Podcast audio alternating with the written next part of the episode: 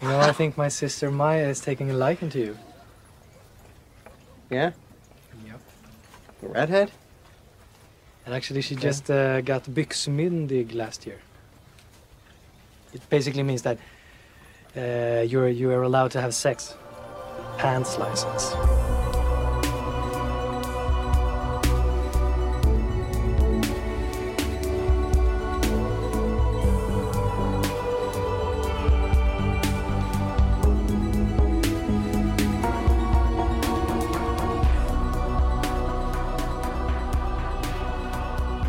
Välkomna ska ni vara till den 106 episoden av Skämshögen. Amanda heter jag som en gång i tiden startade den här podcasten om ouppklarade affärer inom spel, film och tv-serier. Helt enkelt upplevelser som läggs på en hög som aldrig verkar bli mindre. Och i vanlig ordning, på andra sidan skrivbordet, sitter Jimmy. Hejsan! Lika lång som vanligt ser jag. Ja, precis. Jag har inte blivit kortare. Eller längre, ska jag faktiskt poängtera. Det är faktiskt helt sant. Det är väldigt få dagar sedan mars 2020 som jag inte har sett dig. Och du har varken krympt eller växt. Men folk har också en tendens att vara väldigt fascinerade av din längd. Ja, men så är det. Det, det är ofta ett... Det är en bra isbrytare för många, tror jag, när de ser hur lång bara, Hur lång är du? Och man bara så här, ja, det är... eller, eller den här är också bra. Och vad lång du är. Och man bara, oj, det har jag inte märkt. Ja, men exakt. När vi var på resa senast så var det en kille på frukostbuffén som bara var tvungen att gå fram till dig och fråga hur lång du var. Han stod jättelänge och kollade storögt på dig och verkade liksom försöka göra någon form av uträkning. Men jag är ju inte onormalt lång. Du är ju väldigt lång. Jag är lång, men jag är inte onormalt lång. Det är inte som att säga att, okej, folk som är nära två meter långa är liksom, växer ju inte på träd, men liksom, jag är fortfarande inte onormalt lång. Ni växer som träd. Ja, precis. Växer som träd. För att det är liksom... Okej, jag är också van att ofta vara längst i de sällskap jag rör mig i och se någon som är längre än mig, blir man så här, wow. Så att jag kan ju förstå den känslan, faktiskt. Men det är liksom så att är man runt så här typ, en, är man mellan 1,75 och 1,85, då är det ganska vanligt att man hittar folk som är liksom längre än, än själv. Så att, hur chockerad bör man vara? Det roligaste är ju att du brukar säga att jag är lång. Men du är lång. Alltså jag är lång för att vara kort. Ja, men du är lång. Alltså du är liksom över medellängden för kvinnor. Jag tror att jag är typ så här 7 centimeter längre eller någonting. Exakt, okej jag, jag är runt typ 15 centimeter längre. Precis. Men ändå, så du är fortfarande lång. Jag är 1,73 kan tilläggas. I alla fall senaste gången jag mätte mig, vilket är typ när jag var 16 eller någonting. Så det finns ju en liten möjlighet att jag kanske har växt någon centimeter till. Men rimligtvis så är du liksom 25 centimeter längre än vad jag är. Ja, jag är 1,98. Så att, och jag växte min sista centimeter när jag var 18. Så att liksom, jag har ju, jag har växt länge och jag har alltid varit lång. För för många är det så att de kanske varit jättekorta och sen helt plötsligt bara bam, så växte de skitmycket. Men jag har alltid varit lång. Jag och en tjej som heter Kristina var längst liksom i, i, för, i sexårsverksamhet och, och ettan, tvåan, trean, fyran liksom. Vi var typ lika långa. Jag var jättekort. Det kan man ju inte riktigt tro idag med tanke på liksom hur relativt Hur lång, du är! Med tanke på hur lång jag är för att vara tjej och att jag ändå liksom är ganska så bastant vet jag inte om det är rätt ord, men jag är ju liksom relativt bitig. Jag är ju liksom ingen liten person på något vis, men jag var typ kortast i klassen fram tills att jag kanske var 11 år gammal och sen så växte jag om alla. Mm. En late bloomer. Ja, ja men verkligen. Och då fick jag ju liksom hela paketet. Tuttar som var mycket större än alla andras och betydligt mer former också. Det gjorde ju liksom att det var ytterligare lättare att man blev lite hackkyckling. För då fanns det nya saker att reta en för. Det måste ju vara så märkligt egentligen för liksom just tjejer eftersom det är så mycket som förändras på det sättet. Vi, föränd- alltså, vi blir ju långa och så får vi, kommer vi i målbrottet. Men det blir liksom inte sådana liksom jättestora förändringar egentligen för en kille på det sättet som syns tydligt. Man får ju betydligt mer liksom behåring över kroppen. Jo, fast ändå inte. Alltså, jag, jag kommer i min klass, alltså, det var typ ingen som fick skägg i grundskolan direkt. Vi hade liksom ingen som var så här, oj vilken hårig typ. Du hade väl inte heller så mycket skäggväxt tidigare? Nej gud, jag har fortfarande gles skäggväxt så att det är liksom inte som att jag sitter här med värsta så här full bear beard liksom, utan det är ju jag har ju skägg, men det är liksom, jag kan inte, jag kan inte skaffa ett bastant skägg. Det, det går liksom inte. Jag har aldrig heller sett dig utan. Nej, det har du faktiskt inte gjort. Och jag har inte sett mig själv utan skägg nu på tio år, så det ska kännas jättekonstigt. Och med det sagt, jag har inte, jag har inget jätteskägg. Det, det, I så fall är det liksom trimmat ganska kraftigt. Men det är ändå där. Jo, men jag, jag har försökt spara till längre. Och det, är liksom, det växer inte tillräckligt på kinderna. Utan jag får ju så här en jätte, typ, haklapp istället där all, allt skägg ligger och sen så har man så här, va, men varför blir det Där inte... all mat samlas. Ja, men varför blir det inte tjockt upp till? Det spelar ingen roll om man liksom sen rakar bort det som är under till och lämnar det som är vid sidan. Det liksom blir inte tillräckligt. Har du liksom någon sån här skamlängd som du kommer till när du känner bara nu måste ju du ryka bort? Alltså inte allting utan du känner att du verkligen måste trimma ner det. Men det är väl typ man kan börja typ snurra på skägget med fingret. Typ börja vira liksom runt. det. Jag hade något år där jag hade sparat ändå rätt så långt så att men det måste ha varit flera centimeter i alla fall. Två, tre centimeter i alla fall under till. Men det, liksom, det på kinderna hinner ju inte med. Och sen så är det kanske något strå som sticker ut som man ser halvt, halvt galen ut. Liksom. Så att det, det funkar inte. Jag hade velat haft liksom ett helskägg i så fall. Som, som liksom ser, för att jag har ju heller mellan mustaschen och liksom hakan, så, så det länkas ju inte ihop heller. Så jag har ju liksom, det är kalt där, så att det blir liksom inte den grejen heller. Ja, alltså nu har jag ju inget skägg av eh, naturliga skäl. Nu ska vi inte vara såna. Däremot så kan jag känna liksom mitt eget hår ofta att det kommer till en viss längd där det liksom bara ser dött och sorgligt ut. Och då får jag liksom en känsla av att jag behöver klippa av det eller liksom göra någonting med det. Och nu de senaste åren så har jag ju låtit mitt hår växa ut så att det blev väldigt långt. För att jag liksom skulle kunna ha en uppsättning med mitt egna hår och inte behöva ha något löshår när jag går till frisören. Nu har jag ju kapat av håret och jag tror att det kanske var så här två och en halv decimeter eller någonting som Mm. rök på en och samma gång till Sorg. din stora sorg. Ja. Men det var väldigt skönt för mig. Sen så klippte ju min frisör kanske lite kortare än vad jag hade liksom visat på en bild. Men samtidigt så känns det ändå liksom väldigt frigörande att eh, slippa mecka med håret hela tiden. Varje gång man ska göra i ordning det så tar det lång tid och man har dagar där det är bökigt att sätta upp det. För att jag har liksom inte så jättetjockt hår, men jag har mycket hår. Så när det liksom är många slippriga, små, tunna hårstrån så kan det bli så himla störigt att sätta upp håret. Och tydligen enligt min frisör är det liksom för att i så här vanligt schampo som man liksom köper på ICA Maxi så är det ganska mycket silikoner i vilket gör att håret blir liksom glansigt och glatt. Mm. Och det är det som kan göra att det liksom är så bångstyrigt när man ska sätta upp det. Så jag har ju faktiskt funderat på kanske att köpa lite dyrare schampo som gör att det mattas av lite grann, som kanske gör att det är lite lättare att hantera. Men samtidigt så är jag också liksom lite snål när det gäller sådana grejer. Jag vet, det är lite dumsnålt egentligen för att man gör ju sig själv en tjänst, tänker jag. Men eh, just nu så kan jag ju nästan inte sätta upp håret mer än liksom att jag har det bakre håret utsläppt och sen så har jag det främre håret uppsatt i en liten boll. Så det är liksom någon form av så här semi-uppsättning egentligen. Mm. Men Jimmy, det här är ju faktiskt inte vilken episod som helst utan det här är första gången vi spelar in Skämshögen som herr och fru Seppelesten. ja, det är sant. En applåd för oss, tycker jag. Var det här slutmålet när du bjöd in mig att agera vikarierande podcastpratare i spelsnack? Det hade man ju kunnat tro, men nej, så var det inte. Man skulle ju kunna tro det ändå. Du tog ju en paus från spelsnack under våren 2019 och då gjorde du istället frekventa gästspel i min då nystartade podcast Skämshögen. Vi blev nära vänner och sedan upptäckte vi att vi var kära i varandra under sensommaren. Och resten är som man brukar säga historia. Ja, precis. Men för lyssnarna så är det ju ändå inte så lång tid sedan föregående avsnitt släpptes. Men det spelades ju in innan giftermålet och sedan tog det ohemult lång tid att faktiskt redigera och publicera det. Det har ju varit intensiva men roliga tider. Tiden har ju rusat iväg senaste året men framförallt sedan april då vi haft mycket åtaganden, firanden och få hela arbetsveckor faktiskt. Ja, Jag tror i maj så arbetade inte jag en enda hel arbetsvecka. Jag tror inte jag gjorde det heller. Det var liksom så här, det var i, i skarven mellan maj och juni jag hade min första liksom fem dagars vecka. I maj så var jag minst en dag ledig i veckan. Liksom. Det var någonting på gång hela tiden. Först så firade vi ju Robins födelsedag. Veckan efter det var det din svensexa. Kort därefter firade vi mina föräldrar som varit gifta i 35 år. Veckan efter det var det dags för den stora dagen, bröllopet. Därefter drog vi på äventyr till Island.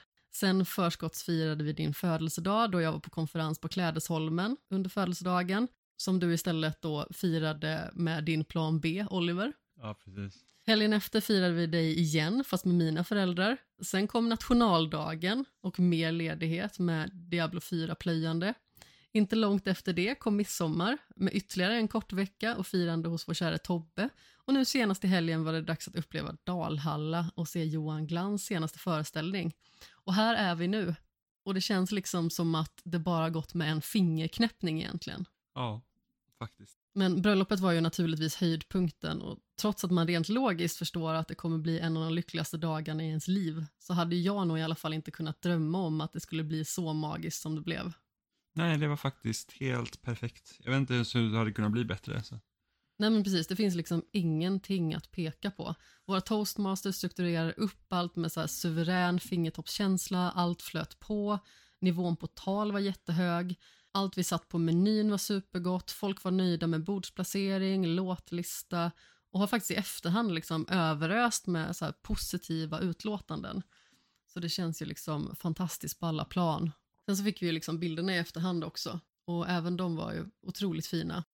Men det är väldigt roligt för att precis som jag sa tidigare så var vi ju också på midsommarfirande hos Tobbe och han var ju den sista talaren ut och han sa ju liksom att det var ganska så svårt att vara sista talare. Då får man steppa upp. Han talade ju också efter Robin, så jag skulle säga hade kanske ett av kvällens mest känslosamma tal. Mm. Precis, och för de som inte vet så Robin är ju min, jag skulle ju kunna kalla honom min äldsta vän, eh, egentligen. Eh, Även toastmaster och best man. Ja, men precis. Eh, vi har känt varandra sedan vi var 12. Så att det är ju 20 år. Ja, men precis. Det känns helt bisarrt att säga 20 år liksom. Ja, men precis. Det känns ju som att man typ fortfarande är 23. Jag vet att du säger att du känner dig kanske lite mer som din ålder, Ja, men jag känner mig som min ålder. jag vet inte riktigt varför det fortfarande känns så. Jag tycker liksom att jag är ganska så ung i sinnet. Jag känner mig ändå ung i kroppen. Plus att vi har ju liksom inte barn heller, vilket jag tror kan få en att liksom känna sig äldre och mer mogen. Ja, jag har alla mina hemliga barn. Hur många har du? Tillräckligt mycket för att känna mig som min ålder.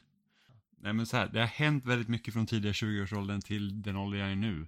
Så att det är liksom, jag kan omöjligt känna mig som jag var när jag var 23. Ja, men det har hänt väldigt mycket för mig också. Där känner du dig som 23. Jag vet inte riktigt varför, men det känns liksom på något sätt som att de flesta hittar en ålder som de har som bekvämlighetsålder och där de lite grann stannar kvar. Jag ser mig inte själv som en person som har fyllt 30. Jag är liksom inte en person som är yngst i sällskapet längre, vilket jag väldigt mycket var för. Men i det här avsnittet så kommer vi ju frångå våran formula lite granna som vi vanligtvis har i skämshögen just på grund av att vi har haft ganska så mycket för oss. Visst, det finns alltid olika typer av verk kan diskutera, men samtidigt så har vi ju spelsnack, vilket är den podd som vi släpper varje vecka. Och där får vi ju ur oss ganska så mycket av våra intryck, framförallt från spel då. Men jag tänkte att vi lite grann idag då skulle gå tillbaka till kärnan i skämshögen och det är ju skämshögsspelen.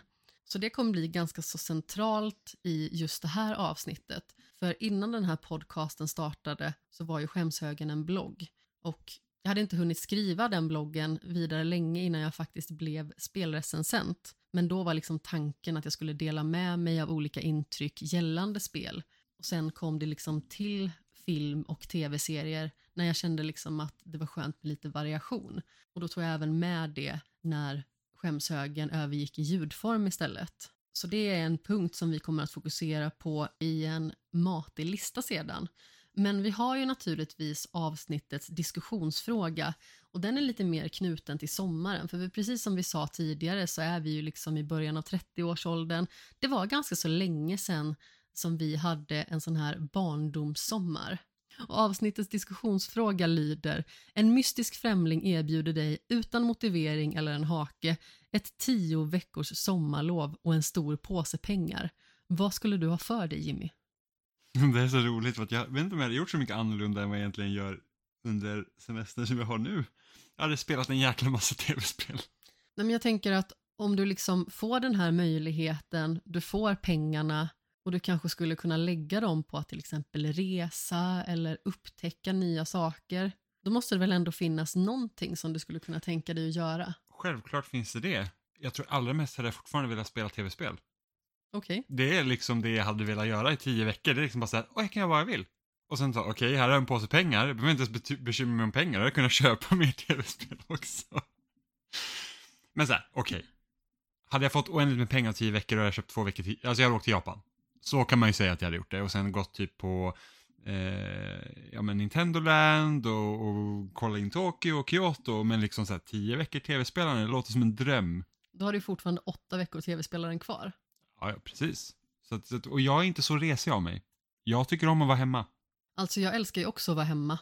Jag tycker att det är otroligt skönt att veta att jag inte har dagarna fyllda med någonting utan att jag får möjlighet att fylla dem med till exempel tv-spelande eller serietittande eller läsande eller vad det nu kan vara. Men samtidigt, om någon skulle liksom ge mig möjligheten att vara ledig så pass länge så att jag fortfarande skulle ha många lediga dagar hemma och dessutom ger mig pengar som då är tillräckliga för att täcka kostnader som då blir av att man får utebliven semesterersättning till exempel. För man då vanligtvis inte tar liksom en tio veckors semester utan man har fem semesterveckor om året. Och då dessutom skulle kunna lägga pengar på att resa till olika ställen. Då hade jag ju definitivt inte tackat nej. Alltså att turista i Japan, det är ju någonting som du och jag har diskuterat väldigt länge. Och det var ju från början liksom tanken att det skulle vara bröllopsresan men sen så kände vi liksom att eh, det räcker med att ta en liten resa. Det vill säga att vi åkte till Island, vilket var en helt magisk upplevelse. Men jag har ju liksom lite andra grejer som jag liksom känner att dels jag förknippar lite med sommarlov, men sen har jag ju också såna här drömresemål som jag har antecknat liksom i min lilla loggbok. Till att börja med så hade jag velat åka på ridläger. Why? Jag har varit på ridläger ganska så många gånger i mina dagar och det är verkligen otroligt mysigt. Man umgås med hästarna hela dagarna, man kanske rider två stycken lektioner, det kan vara att man rider ut, man har hoppning. Man får liksom mycket tid med hästen i stallet där man kanske får om den och sådär. Och jag vet liksom att du har ju en historia av att ha spenderat väldigt mycket tid i stall i dina dagar.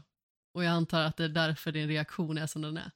Ja, jag är uppväxt på en hästgård, jag har massa hästar och det, det som betyder att man åker på ridläger med massa barn som inte kan nu vet jag att du kanske inte ska åka med barn, men det är liksom det här är ju min fördom med ridläger. Då åker man, åker man ett med massa barn som inte kan riktigt häst, hästar liksom.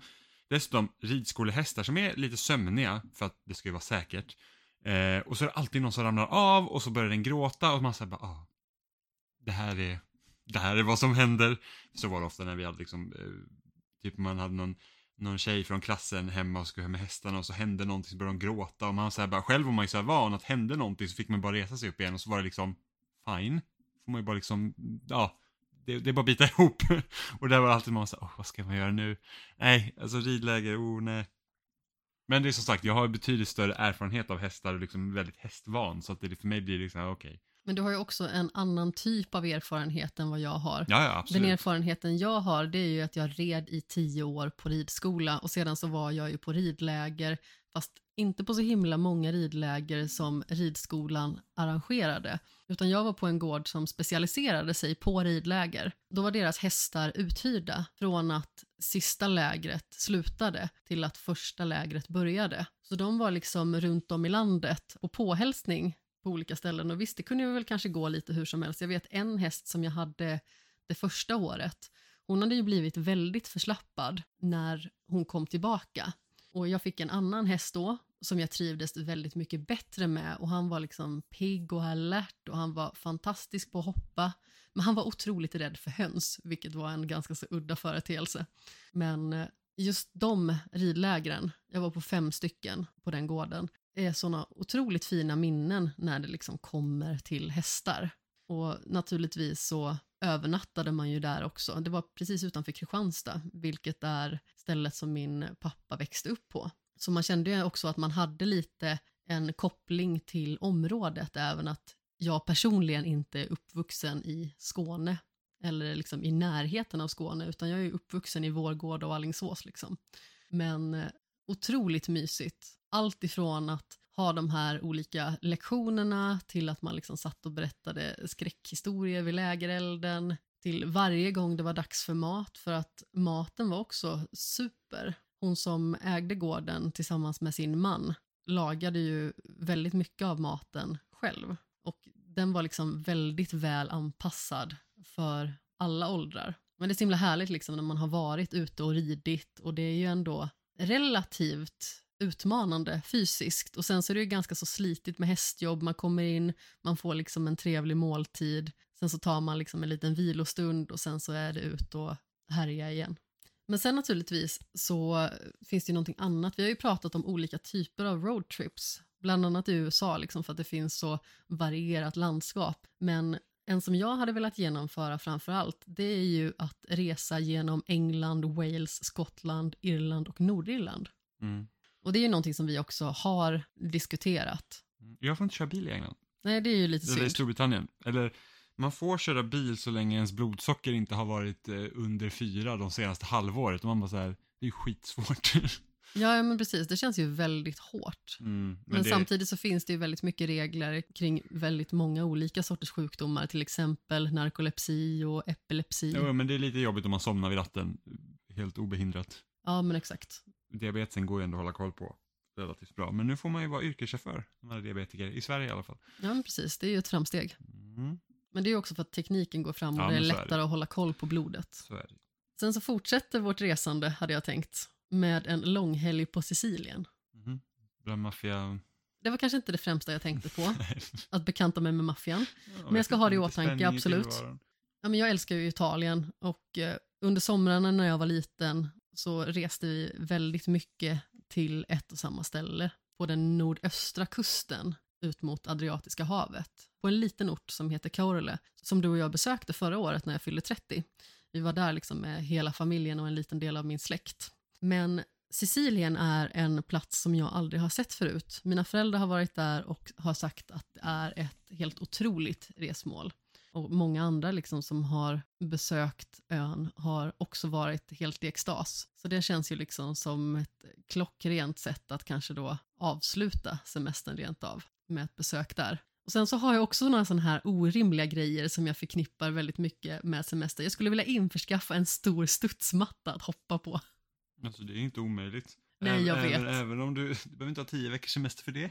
Nej men när det gäller studsmatta så känner jag verkligen så här, det, det är en sån grej som man bara gjorde hos någon annan när man var liten. Jag har aldrig haft studsmatta själv och jag tycker att det är otroligt roligt. Jag vet inte, det finns ju en ganska så barnslig ådra i mig som eh, går igång på såna grejer. Men det är kul att hoppa. Ja men precis, du och jag brukar ju ibland besöka det här Voltflip i stan som liksom är en trampolinpark.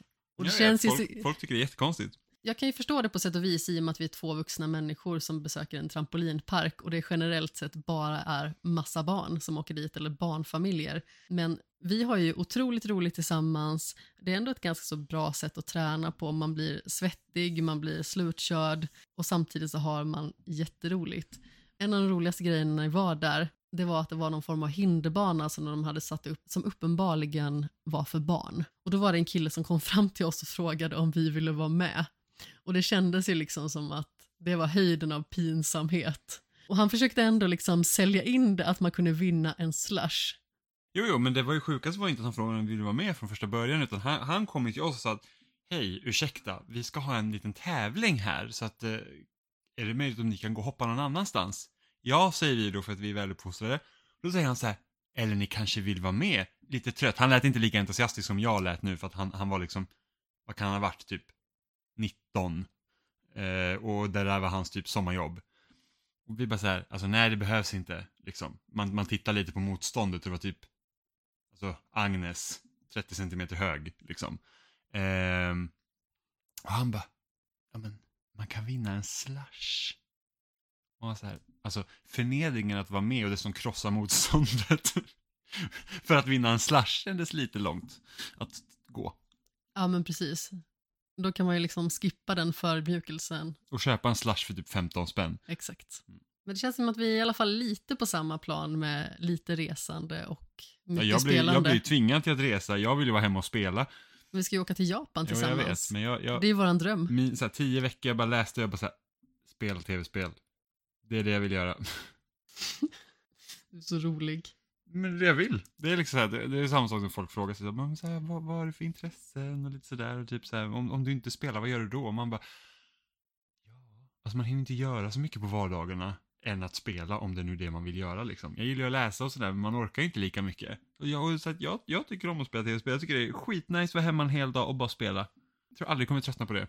Om inte spel blir typ skitdåligt och allt blir free to play och försöker suga ut varenda jävla krona man har. Men det, det tror jag inte att det kommer hända.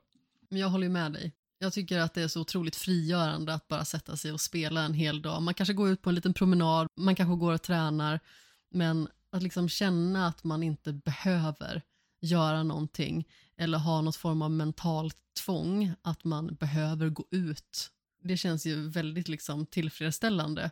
Och jag tror att det är väldigt viktigt att man ändå agerar på det och gör det som man tycker känns lustfyllt. Jag vet att väldigt många säger liksom till mig och även till dig att de blir typ stressade av att höra att man bara liksom kan sitta och spela tv-spel åtta timmar i rad. Medan de blir typ rastlösa när de vet att de måste vara hemma en halv dag själva. Men jag antar ju att det handlar om liksom att det är personer som kanske inte har lika mycket hobbys och framförallt kanske inte hobbys som man då kan utföra i hemmet. Sen så kanske det är personer som är lite mer beroende av att umgås med andra människor än vi är. Det är perfekt att umgås med folk när man spelar för man kan chatta med folk. Ja, men det fina med spel det är ju att man kan spela själv men man kan också spela med andra. Men det är ju liksom helt valfritt.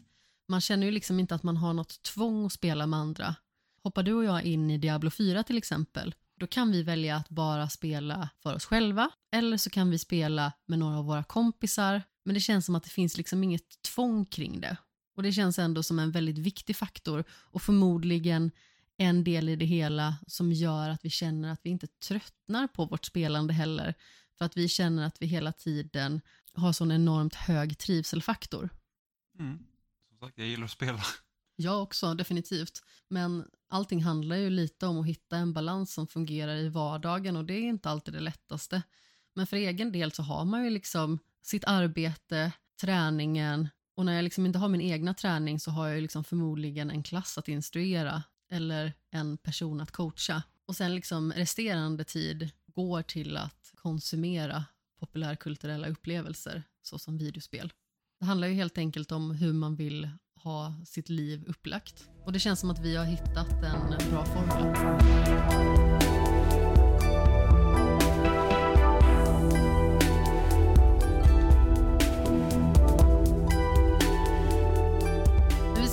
Prata ganska så mycket mer om spel i skämshögen idag.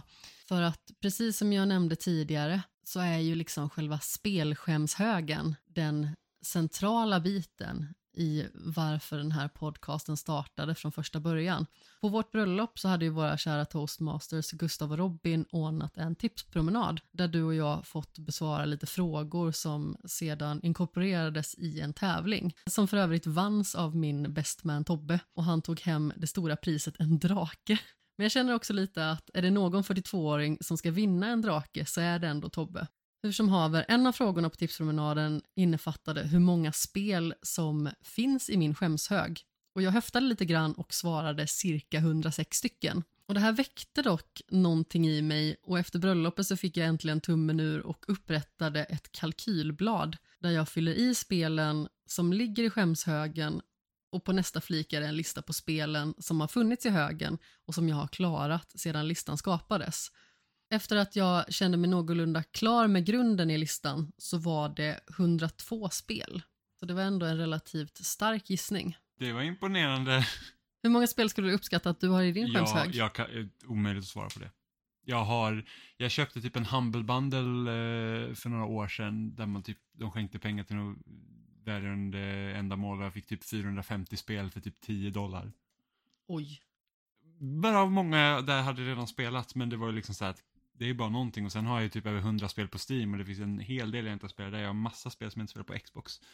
Eh, så att jag, jag kan inte säga hur många spel jag har i min, liksom, som jag har köpt som jag inte har spelat för att det är liksom, det, det, det är så pass många. Många blir ju väldigt stressade av sin skämshög eller liksom sin katalog med spel som bara ligger där och väntar på en. Hur känner du liksom inför det? Nej, jag, är- jag är mer stressad över nya spel som kommer. Som, Att jag, hinna inte, med. som jag inte hinner med. Än, än att jag är stressad över det som ligger där. För att det som hamnar sen i det jag inte spelar, det bara är. Medan det känns viktigare att spela det som kommer bara för att man ska kunna vara med i samtalet. Och så har vi spelsnack som liksom, är det bra att hålla sig uppdaterad. Så det är jag mer stressad över, att jag inte hinner spela det som kommer. För att jag vet att när det är perioder där det kommer många spel väldigt tätt in på varandra, och jag vet att jag kommer inte kunna spela de här så är risken att de som jag inte hinner spela de, liksom, de försvinner bort. Har du konsumerat något skämshögspel i år? Ja, jag har spelat en del gamla spel. Jag har spelat Psychonauts till exempel, som jag har velat spela länge. Just det, du Ehm, spelade tvåan först. Yes, jag hade tänkt att spela ettan. Jag hade inte tänkt att spela tvåan förrän jag spelade ettan, men det var ju bara det att ehm, det, det fick så bra betyg tvåan. Och jag så här, ah, men då måste jag, då måste jag spela det. Och det var ju bra. Men det tror jag att, ja, Spyro 2 har jag också spelat i år. Eh, som också varit väldigt, gillade faktiskt. Men Just det. annars har det inte blivit så mycket, mycket spel som jag inte har spelat förut, som jag har spelat i år. Det känns som att du har hållit dig väldigt ajour och uppdaterad med nya spel däremot. Men jag tror att det har kommit ganska många, det har, det har kommit nya spel i, i en liksom tät strid, om man säger så. Det, det, ofta många år så är det så att oh, men det kanske är jättemycket en månad och sen kanske det tar två månader där det inte är så mycket och då hinner man ta sig igenom äldre spel. Eh, I år har det inte funnits riktigt det. Det har liksom varit nya spel hela tiden och har jag spelat någonting som varit lite äldre så har det kanske varit något spel från förra året, till exempel. Jag känner lite grann att jag verkligen har fått ta mig den tiden, det senaste, att börja beta av skämshögen. Nu när jag liksom har det uppstaplat så blir det också väldigt mycket tydligare vad man kanske är sugen på att spela och vad man liksom känner att man kan sätta tänderna i. Sen så finns det liksom många spel som man glömmer av när man inte har dem på pränt. Har du något exempel? Jag har ju länge velat spela The Great Ace Attorney Chronicles till exempel. Men det är ett sånt spel som hela tiden försvinner ur mitt medvetande så fort jag inte ser det. Mm. Det är flera gånger som jag har haft det liksom i köpkorgen på Playstation Store. Men jag har inte klickat på köp utan jag har tagit bort det för att jag känner att det här behöver jag inte köpa just nu och så har jag köpt någonting annat som jag liksom har prioriterat istället. Men jag har det liksom i min skämshög och en dag kanske jag kommer att ta tag i det men jag vet också att det kräver ganska så mycket fokus av en för att det är ganska så mycket läsa. Det är ganska så tungrodda spel för någon som inte är insatt och det är ju inte jag. Jag tror ändå att första spelet är ganska liksom okomplicerat och så. Jag, jag tror det man... eh, det som är farliga är ju när man liksom börjar sådana här collection-samlingar, det är att man liksom tänker att jag måste spela alla spel i rad nu. För att det är liksom en samling snarare än att du skulle köpa dem styckvis då. Ehm, och det är det som när jag körde, men som jag spelar Spyro 2 idag, i, idag, i år. Eh, men jag spelade första Spyro förra året. Men när jag började på Spyro liksom Trilogy så var ju tanken att jag skulle köra alla tre liksom på rad. För att det är ett spel. Men man behöver inte göra det, utan det räcker liksom, man, man tar ett i taget och sen så kan man liksom ha en paus och spela något annat. Eller typ när jag spelar alla Yakuza-spel. Nu var inte det en samling, utan nu, nu, nu gick de också att ta styckesvis. Eh, men då var det så att man spelar ett Yakuza-spel och sen kanske man spelar något annat däremellan och sen kan man återgå till Yakuza. Sen blev det ju så att ju mer jag spelade dem så blev det också så att till slut så var det så att det var svårt att hålla sig ifrån. Så att jag spelade typ, ja men, så Zero var ju första Yakuza-spelet jag spelade och det tog alltså flera år innan jag liksom satte mig med Kiwami. Sen körde jag Kiwami 1, så kanske gick två månader, så tog jag Kiwami 2, så gick det typ kanske två veckor, så var det tre, fyra, fem back-to-back. Och sen kanske jag hade några veckor i paus igen och sen var det sexan. Liksom. Och nu, och jag spelar ju dem för att jag ville spela Yakuza Like a Dragon då, eh, som var det här eh, omgångsbaserade Yakuza-spelet liksom som är då Yakuza 7 egentligen. Eh, så att jag, jag känner att jag vill inte börja på det utan jag vill spela alla andra Yakuza-spel. Och nu, nu har inte jag spelat Yakuza Like a Dragon alls, så att ja, det är som det är. När var det Like a Dragon släpptes? Tj- tju- Kan det ha varit 2020, 2021? Jag vill minnas att det är 2020, men eh, jag skulle inte ta gift på det. Men det är ett tag sedan i alla fall.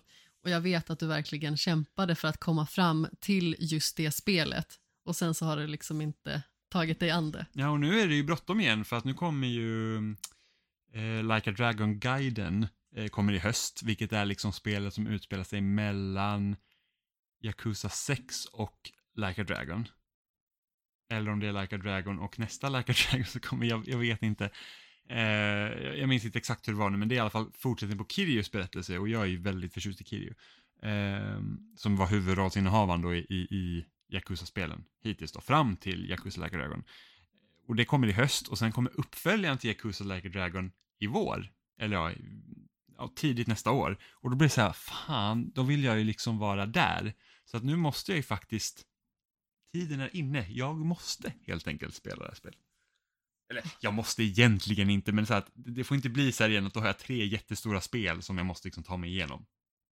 Så att, ja. Så att nu, nu är det dags. Det är dags. Har du inte alls varit sugen på att bita tag i Like a Dragon Ishin? Eh, nej. För det är ju den här samurai-spinoffen. Det verkar ju dock otroligt. Ja, men det, det är säkert jättebra, men liksom det är så här att jag behöver inte spela det för att hänga med i det övergripande narrativet. Det är en spin-off. Så att jag behöver inte.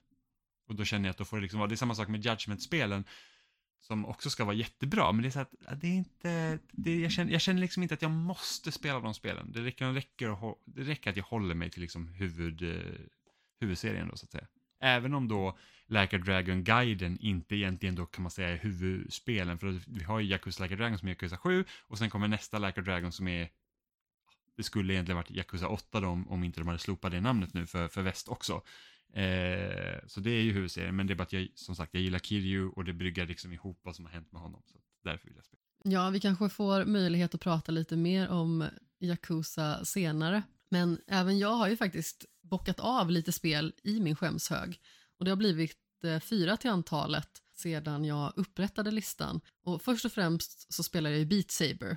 Och det är ett spel som jag otroligt länge ville spela till VR, men dels så hade jag ju ingen egen VR-hjälm och när vi flyttade ihop så kändes det liksom som ett otroligt bökigt uppdrag att ta upp det första VR-headsetet. Just på grund av att det är ett väldigt stort projekt att liksom koppla in det. Och när vi skaffade Playstation VR 2 så kändes det mycket mer överkomligt att faktiskt koppla in det och spela och göra det i lite mer spridda sessioner. Det kändes liksom inte som att nu börjar jag spela VR och så ska jag spela det tre veckor i rad och sen så kommer den få ligga i dvala i ett halvår.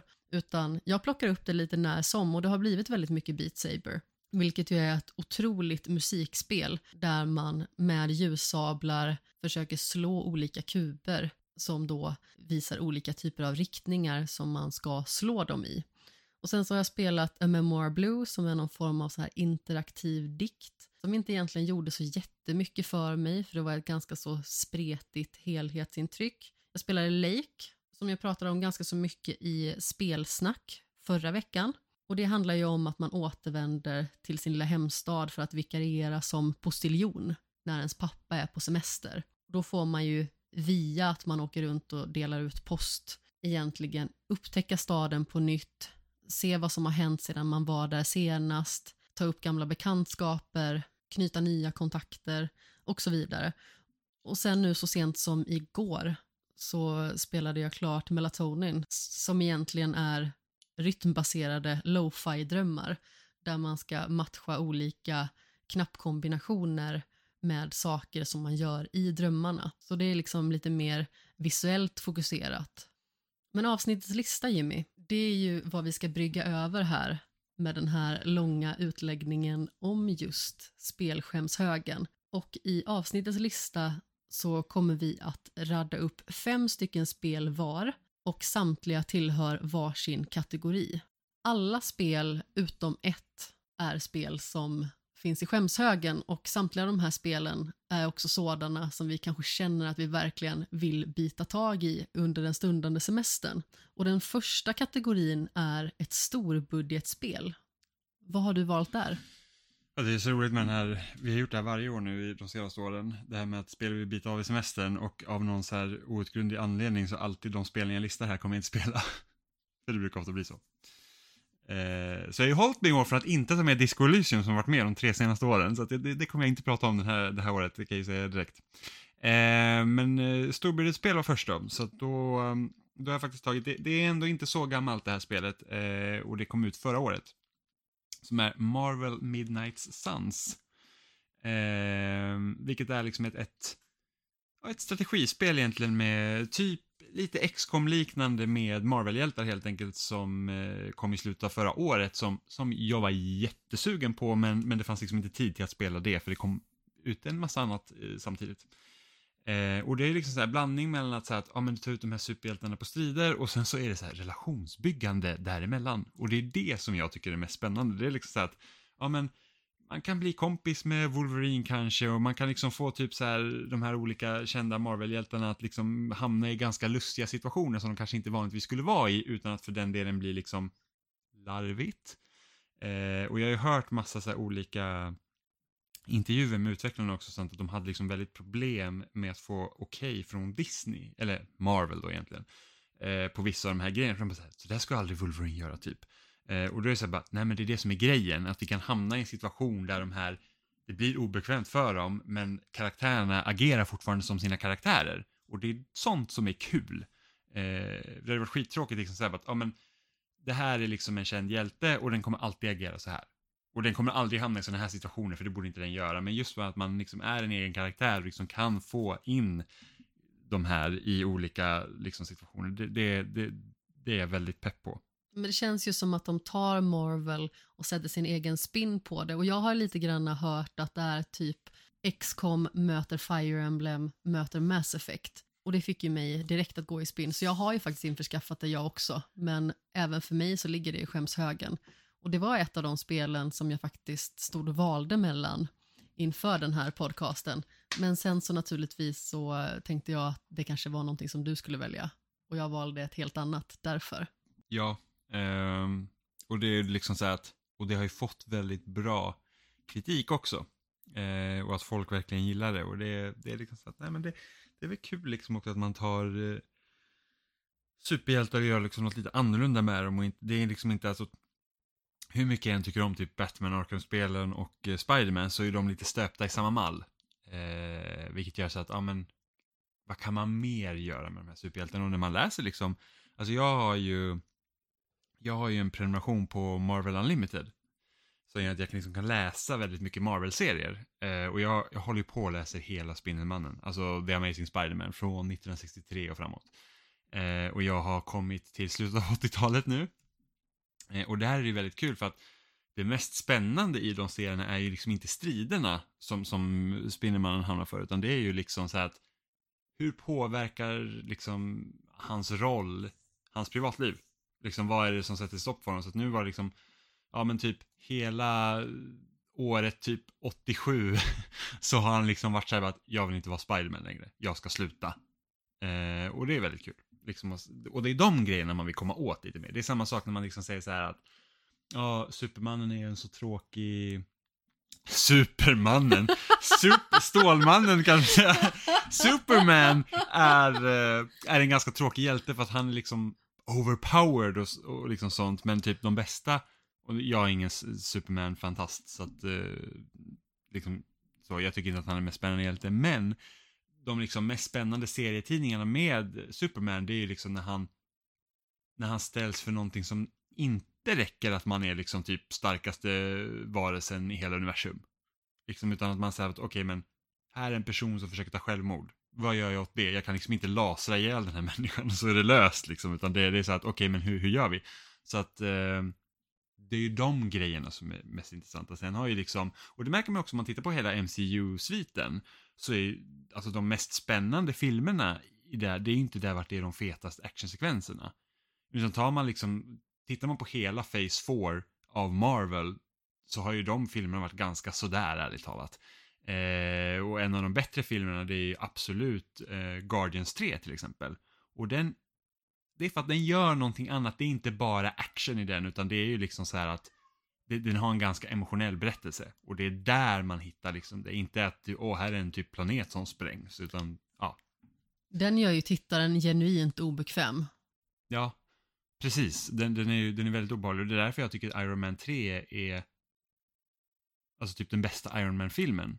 Även om så actionsekvensen i Iron Man 3 är inte den bästa eller mest spännande, men det är just det här att där får vi se hur Tony Stark påverkas efter Avengers-filmen. Det är så att, åh, det kom en portal upp i luften och det kom massa rymdvarelser hit och vi var inte förberedda. Och han har typ PTSD och är liksom typ rädd. Och det är liksom sådana grejer som gör att det, det är liksom det som är intressant, inte att man liksom lyckas snå skurken på nöten.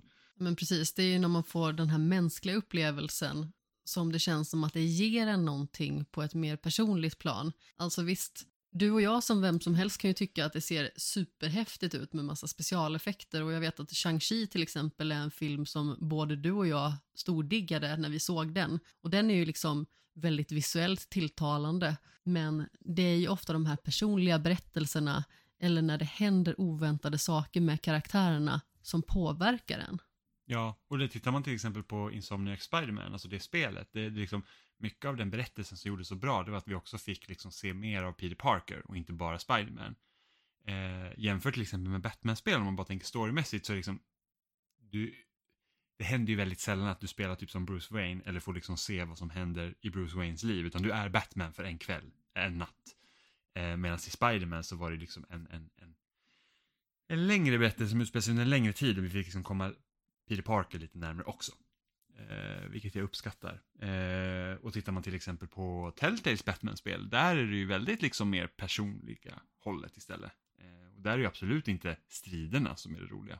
Nej, och det är ju inte jättemycket stridande där heller, utan där är det ju lite mer av ett detektivläge, det är lite mer relationsbyggande.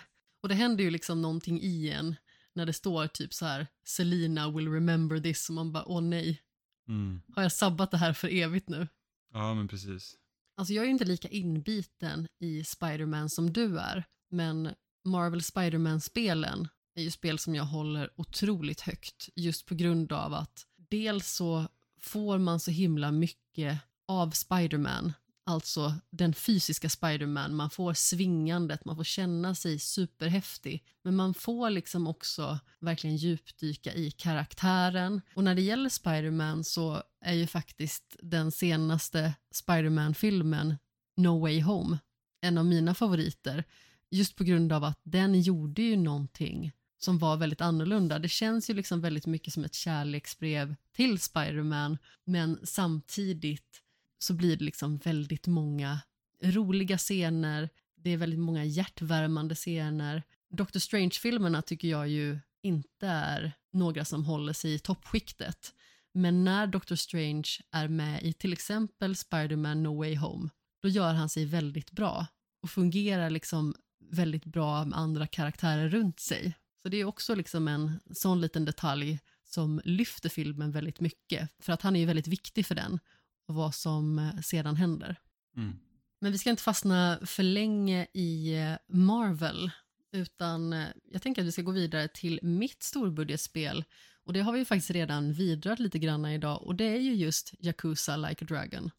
Du är den av oss, precis som vi tidigare deklarerade, som lite är Yakuza-experten i familjen. Men när jag fick veta att det skulle komma ett spel i serien som istället skulle vara turordningsbaserat så blir jag otroligt nyfiken i och med att det är någonting som kanske passar mig lite bättre. Jag tycker att det är väldigt synd att det inte är Kiryu som är protagonisten längre. Men Ichiban, som när spelet börjar just avtjänat ett långt straff i finkan, har ju säkert någonting. Och jag förstår ju att många som har spelat det spelet tycker liksom att han är en rolig filur också.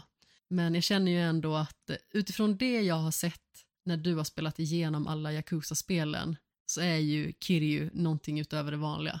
Ja, det är svårare att hitta en mer blåögd protagonist också. Det är alltid så här typ i slutet och han bara så här, åh, hur kunde, hur kunde det här komma? Hur kunde jag inte se det här? Och man bara så här, alltså Kiryu, det sitter på typ en mils avstånd, såklart. Alltså, det har varit med nu i så här, hur många spel som helst. Det är alltid så här de sista typ timmen, så bara typ, det kommer twist på twist på twist. Alltså det är typ så här, jag tror slutet typ var, kan det ha varit Yakuza 2? Där det var typ så här fyra twist på rad. Det var verkligen, man var så här, vad är det som pågår? Och man tror alltid att Kiryu dör, men sen så kommer han tillbaka i nästa spel. Ja, men precis. Det, det slutar alltid liksom lite svårt för Kiryu. Eh, men det är också så att han liksom säger bara Nani. Och man bara säger ja, Nani, Kiryu. Får ju fan hänga med lite.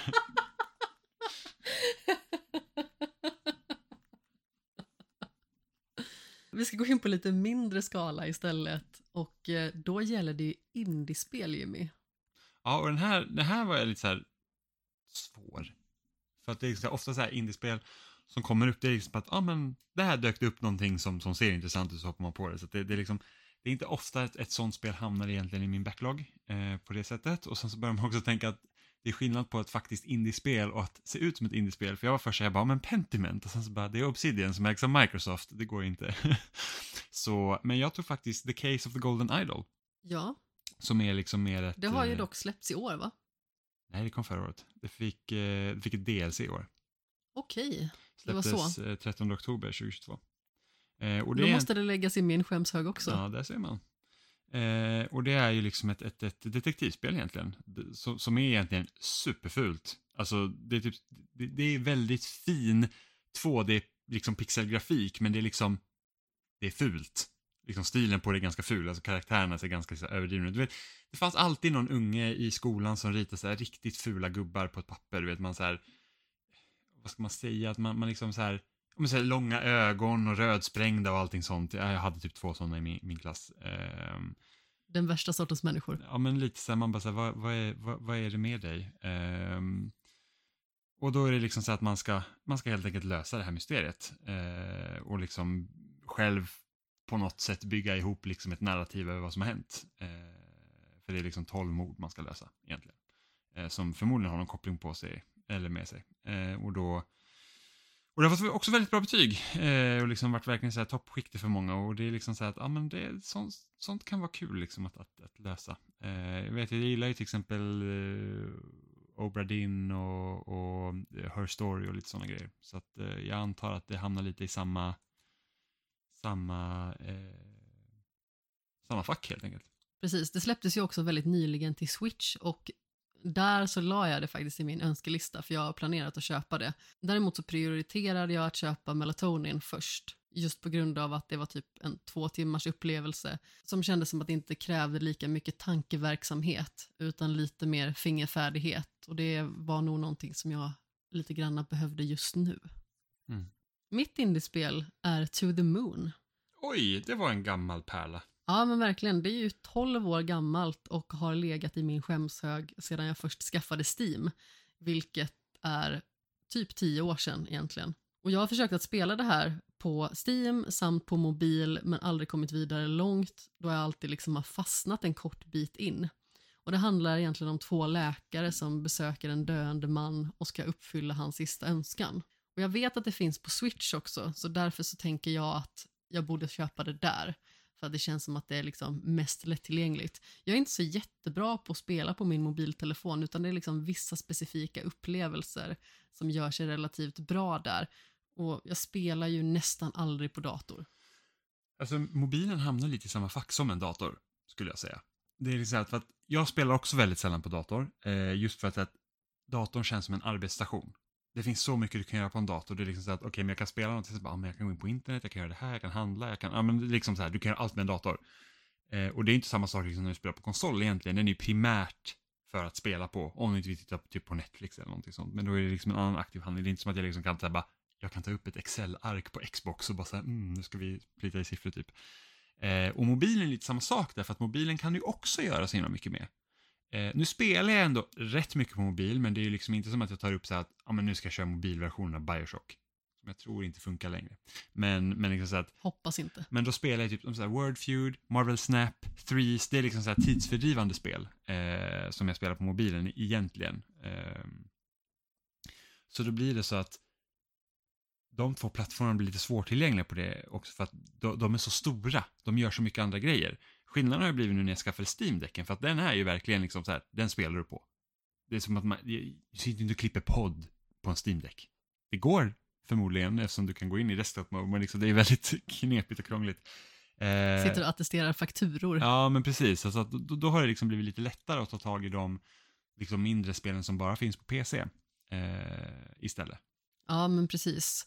Jag tror att det enda spel som jag faktiskt håller i på mobil, det är ju just Wordfeud. Sedan vi blev tillsammans så har ju vi börjat spela mot varandra och har ju spelat, det måste ju vara en bra bit över tusen matcher. Vi är nog ganska exakt tusen. Kanske 1100. Det är väldigt många i alla fall. Men jag har ju även spelat lite Terranil i år till exempel. Jag nosade lite på Marvel Snap när det kom. Men det är ingenting som jag liksom lägger så himla mycket tid på. Utan det ska verkligen till att det är någonting som rycker tag i en ordentligt för att man ska fortsätta spela. Ta Monument Valley 1 och 2 till exempel. Det var spel som verkligen passade formatet på bästa sätt. Man kunde ta en bana när man satt på dass eller när man satt på spårvagnen och sen så var man nöjd för stunden. Och kände man att man ville spela mer så kunde man göra det. Men det var ju också sånt som togs lite då och då. Och det är ju mycket så som jag konsumerar mitt spelande när det liksom handlar om det bärbara. Jag tänker att vi ska gå vidare till nästa kategori och då vill jag ha ett kooperativt spel av dig. Ja, och jag var ju lite så här att, hmm, vad ska man ta för kooperativt spel här? För att jag vet att vi pratade lite om så här Divinity-serien. Både ettan och tvåan. Jag vet, alltså många säger att tvåan är bättre, man ska börja på det, men jag äger ettan. så, det hade känts ganska kul att liksom spela det. Eh, men det är också massivt. Det är liksom så här, säkert hundra timmar. Ja, och Peter och Caroline har ju spelat det och jag har för mig att Peter nämnde att det var ganska så klurigt att komma in i och att det var relativt bökigt att ta sig igenom den upplevelsen. Så då blev jag också lite grann anti. Sen så känns det som att de spel som vi har tagit oss an i co-op det senaste har ju också varit ganska så massiva.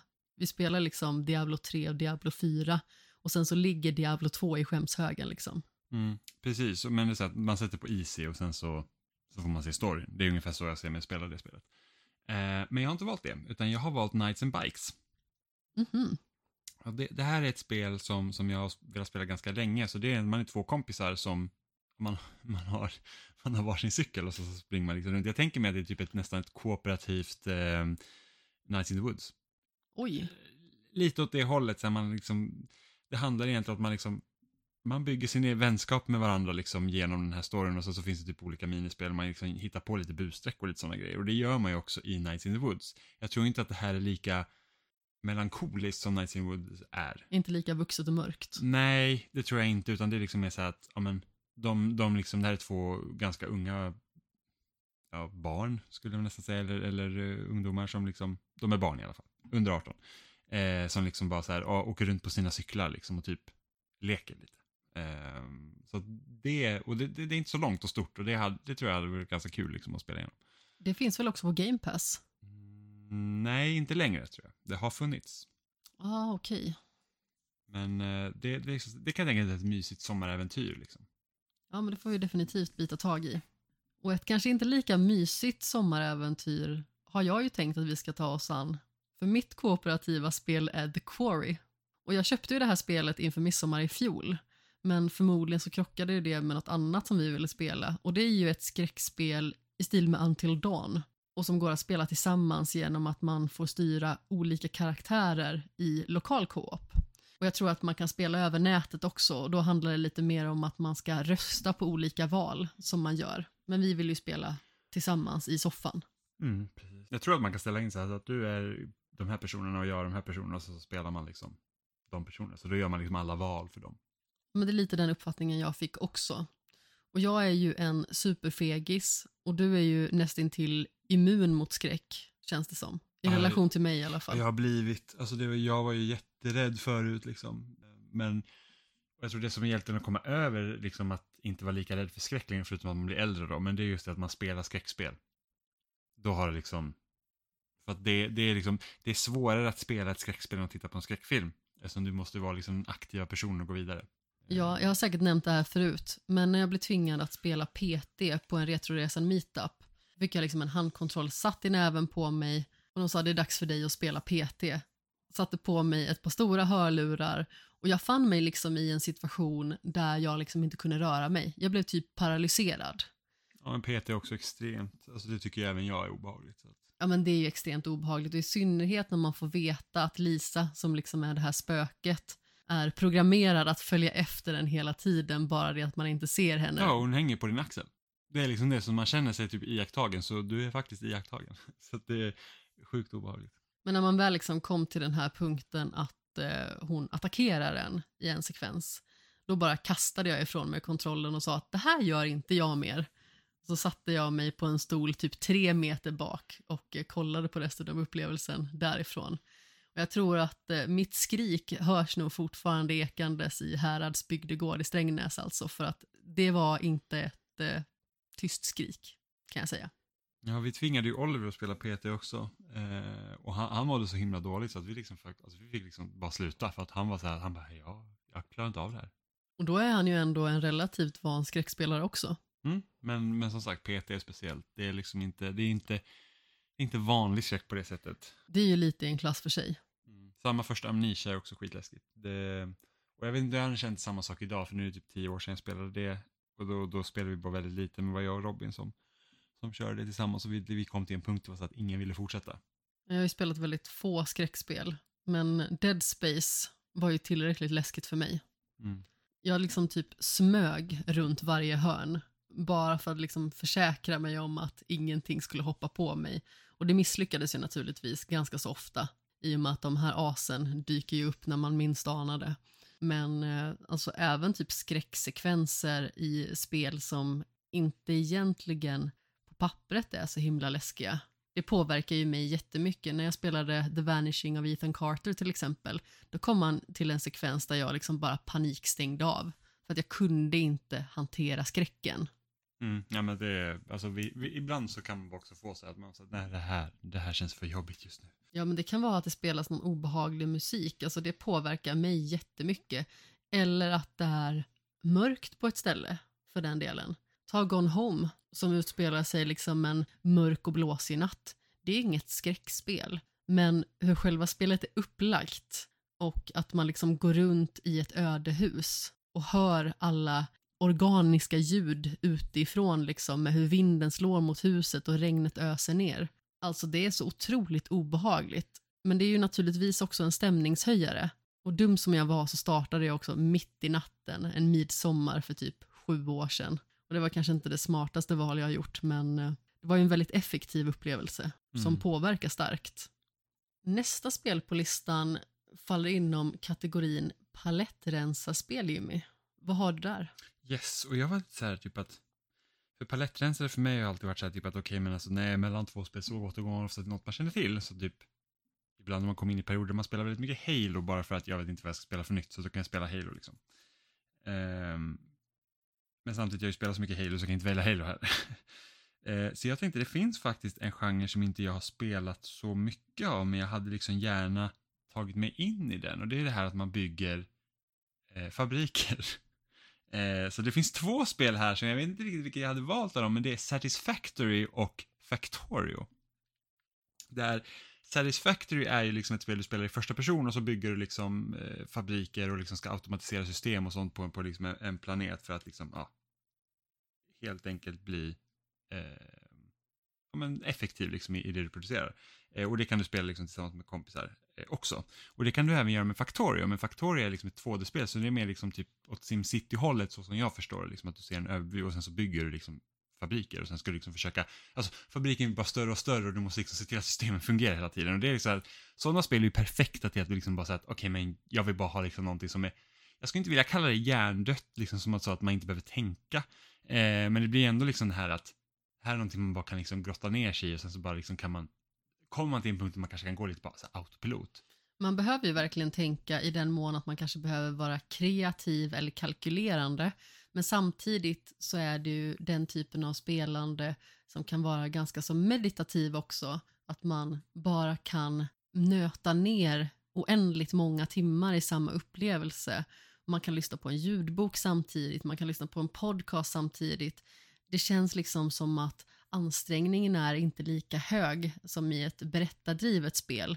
För att man behöver liksom inte hänga med på det sättet, utan man kan liksom bara följa med och låta det hända. Mm, precis. Eh, då är det typ, ja, jag kunde typ ha tagit Prison Architect också, liksom. Eh, typ, den typen av spel är ju perfekt. Liksom. Man bara att, eh, det är flera gånger jag liksom börjar spela City Skylines, bara för att ja, men jag kan väl fortsätta bygga lite på min stad. För att, varför inte? Klipp till 50 timmar senare. Ja, men lite så. Eller typ The Sims är också perfekt för det. Liksom de gånger man har kommit in i det igen, och man bara, vart tog all tid vägen? Att den bara försvinner ju. Ja, precis. Där har vi ju ett perfekt spel för att liksom sitta och spela åtta timmar i rad. Har man lyssnat på den här podcasten sedan dess begynnelse och eh, hört oss prata varmt om The Sims så vet man liksom vilken relation vi har till de spelen. Och jag har ju spelat otroligt mycket The Sims 2 och haft det väldigt mycket som en bekväm punkt att återvända till. Liksom en trygghet i tillvaron när det kanske är lite kaotiskt runt omkring eller någonting liksom bara att eh, försvinna in i. Helt enkelt någon form av verklighetsflykt. Men det är också någonting som man verkligen kan försvinna in i hur många timmar som helst. Och sen så kommer man liksom ur det hela för att man kanske behöver gå och äta eller uträtta några andra basala behov. Och eh, så kollar man på klockan och upptäcker liksom att man har suttit där mycket längre än vad intentionen var från början. Mm. Jag går ju lite åt det andra hållet. Mitt är liksom inte så strikt fokuserat och det kanske fokuserar till viss del på att optimera. Jag har inte så jättebra koll på upplevelsen som helhet. Men det här är lite mer lummig och mysig miljö som jag kommer att vända mig till och det är nämligen Bear and Breakfast. Du bygger, underhåller samt tar hand om gäster på ett bed and breakfast, men du är en björn. Ja, det här är jätteroligt upplägg. Det känns ju så otroligt festligt och eh, som en superhärlig idé i en simulator som man liksom bara kan mysa ner sig i. Och man blir ju liksom alldeles varm i hjärtat när man ser den här lilla björnen med sina små hängslen och sin lilla mössa. Och jag känner liksom att här vill jag vara och spendera mycket tid. Jag får liksom väldigt mycket så här Stardew Valley, Animal Crossing-vibbar. Mm. Ja, men precis. Bara det att man liksom inte har någon rik knös som man är skyldig pengar förhoppningsvis. Ja, men exakt. Tvättbjörnsmaffian. Jag tänkte jag skulle spela det på Switch. Det är ju precis som många andra spel av den här sorten en upplevelse som kanske är optimerad för PC och där den kanske främst spelas på. Men i och med att det har släppts på Switch så känns det som att det passar mig väldigt mycket bättre. Och skulle det vara så att vi beger oss ut på resande fot, ifall vi skulle iväg någonstans en helg eller liknande, så är det ju någonting som jag antar är ganska så lätt att bara plocka upp och plöja lite timmar i. Mm. Till exempel liksom på bilfärden upp till Uppsala eller vad det nu skulle kunna vara. Både du och jag hade ju varsin switch med oss nu när vi var uppe och såg Johan Glans på Dalhalla i helgen. Och det fungerar ju verkligen alldeles utmärkt för det Mm. ändamålet. Och då har vi kommit till sista kategorin och det är ju den enda kategorin som inte är ett spel ur själva skämshögen. Och då undrar jag Jimmy, vilket spel har du valt i kategorin ett nysläppt spel? Alltså ett spel som är släppt år 2023. Mm. Och det här är också lite så här att jag har ju spelat de flesta storspelen som har släppts i år redan, liksom. De som jag velat har spelat. Så det är ju mest de här mindre titlarna som helt plötsligt bara dyker upp, eh, som, som, man liksom, som är lätt att glömma bort, som man vill liksom hålla koll på. Eh, och först så tänkte jag så här, ah, men jag skulle kunna välja Cassette Beasts här, det Pokémon-liknande spelet, eh, för det har jag varit sugen på att spela på. Men samtidigt var jag så här att nej, det är nog inte det jag ska välja, utan jag tar ett annat spel som, som jag nästan hade glömt bort innan jag liksom satt och kom på den här listan. Och det heter Shadows of Doubt. Eh, fortfarande early access dock, eh, så det är väl lite det som har gjort att jag inte liksom har skridit till verket än. Jag har inte ens hört talas om det här. Nej, och nu ska du få göra det. Det är liksom en, im- ett immersive sim-spel eh, i low poly-grafik. Eh, så du har liksom en stor, liksom noir-doftande stad som du kan liksom utforska helt själv och du spelar som en detektiv. Och du ska liksom ta fast en seriemördare. Eh, och då liksom, du är helt fri liksom att, att utforska den här staden, intervjua liksom människor, liksom kolla igenom bevismaterial för att samla ihop dig då bevis för att skapa ett case mot någon som är seriemördaren. Du ska liksom ta fast den här och du vet liksom inte vem det är. Eh, och det är liksom så att, nu låter det här väldigt mycket typ så här början av 2000-talets liksom pitch för liksom spel, men det är liksom varje person i den här staden är unik och de har egna jobb och liksom egna rutiner på dagarna så att det liksom hela staden är liksom simulerad för att du liksom ska kunna utforska den och undersöka och liksom hitta då vem som är mördaren. Eh, och sen så finns det typ sidouppdrag så du ska tjäna pengar samtidigt så du kan liksom hålla igång hela eh, liksom så du bara liksom kan livnära dig på någonting medan du liksom försöker ta fast den här seriemördaren. Eh, och jag tycker liksom bara att det är en Immersive Sim är typ en av mina favoritgenrer. Eh, typ som så här, ja men Bioshock går väl lite in där, men typ Deus Ex, eh, Prey, det senaste, Dishonored. eh, Dishonored till exempel. Liksom att du så här att här har du ett objektiv, men du liksom, du har flera olika sätt du kan lösa det på. Ehm, och det här låter ju så här otroligt spännande. Eh, det, det enda som jag är lite synd över att det är då i early access. Jag, jag spelar ju helst spelen när de är klara för att annars är det så att okej, okay, man spelar early access nu och säger att det släpps om kanske något år och då är det så här att ja, men då har jag redan spelat det så det är inte så att man börjar om på det. Eh, men det är också någonting som jag känner att fan, det är säkert tillräckligt speciellt för att man kanske ska liksom ge sig in i det i alla fall. Så att eh, det, det är det jag skulle välja. Detektivspel i allmänhet är ju någonting som på pappret är otroligt intressant och går att göra på så många spännande vis. Mm, men det är svårt. Alltså typ, jag vet att när Eleanor kom, eh, som Rockstar utvecklade, och det var ju, det lät ju verkligen så här, oh, fan vad nice, liksom, man får spela som en, liksom, en detektiv och sånt och man hade hela det här systemet över hur man skulle liksom eh, intervjua vittnen och lite sånt, men det, det funkade liksom inte riktigt. Så det är det som är så svårt. Det är liksom, hur gör du ett spel där du är en detektiv där det inte får vara för svårt för att hitta ledtrådarna och samtidigt som liksom du måste för att när du pratar med någon person så måste du kunna tolka vad den säger och sen måste din karaktär också kunna svara på ett sätt som är logiskt. Och det var där Eleanor föll. För det var liksom, de hade ju så här typ att du kunde liksom säga att, ja men, du kunde typ säga så här, ja men jag tror inte på dig, jag tror på det du säger, eller jag, jag kan anklaga dig för att ljuga. Och, och, det var ju bara det att de namnen som de hade på de här tre olika, det var ju liksom, det stämde inte överens över vad karaktären sa sen. Så jag, hade, jag intervjuade någon gammal dam så här, för det var något mord som hade skett. Och jag trodde att hon ljög för mig, men jag ville liksom inte säga att du ljuger. Utan jag var så här att, okej, okay, men jag är inte riktigt säker på om du ljuger. Så jag tog doubt då. Och min karaktär bara oh you damn hag. Och liksom hon vart ju skitsur efter det. Och det var inte så konstigt med tanke på att min karaktär liksom var superotrevlig helt plötsligt. Inte så finkänslig. Nej, och det var så här bara, men det där ville ju inte jag att du skulle svara. Eh, så det problemet hade Elinor. Sånt är ju väldigt lurigt också. Det har jag upplevt flera gånger när man spelar Life is Strange-liknande spel eller Telltale-spel för den delen. Där man liksom har olika dialogval att utgå ifrån. Och sen så väljer man någonting som man tycker låter resonabelt. Och sen så kan de säga det med sån ilska i rösten så man förstår liksom inte riktigt var det kommer ifrån. För att när man väl liksom läser den lilla snutten som man har fått så tycker man att det här är det mest rimliga svaret. Mm. Men sen så kanske karaktären agerar på ett helt annat sätt som man inte riktigt har kunnat förutse. Det tycker jag är väldigt stressande. Mm. Ja men precis, och det, jag vet att många anklagar Mass Effect ibland för det är liksom att du väljer liksom en mening och sen så säger karaktären någonting annat. Eh, även om jag tycker att Mass Effect är ett spel där det funkar relativt bra. Jag skulle till och med vilja säga att i Mass Effect fungerar det väldigt bra. Men jag tror att det, det är många som kritiserar det också, de som är vana med de här typ, den typen av rollspel där det är så att här har du typ en novell din karaktär kan svara och det är exakt den här meningen du väljer som den liksom säger. Och så var det inte i Mass Effect, Mass Effect var mer så att den här känslan vill jag att min karaktär förmedlar. Och sen så säger Shepard någonting längre än vad du har valt. Sen så är det ju så i Mass Effect också att det blir ju ganska så uppenbart vad som är mer Paragon och vad som är mer Renegade. Och beroende på åt vilket håll man lutar så kanske man då väljer mer ut efter det snarare än vad det står att personen kanske ska säga. Men precis. Då har vi kommit till sista spelet på listan och det är ju mitt spel som ska vara nysläppt i år och det är Dredge. Och det här är ett spel som du har spelat och som jag satt och sneglade på med lätt avund. Men samtidigt så hade jag annat på tapeten just då och sparade det till ett speciellt tillfälle. Kanske i det här fallet då semestern förhoppningsvis. Men kan inte du dra lite snabbt vad det handlar om?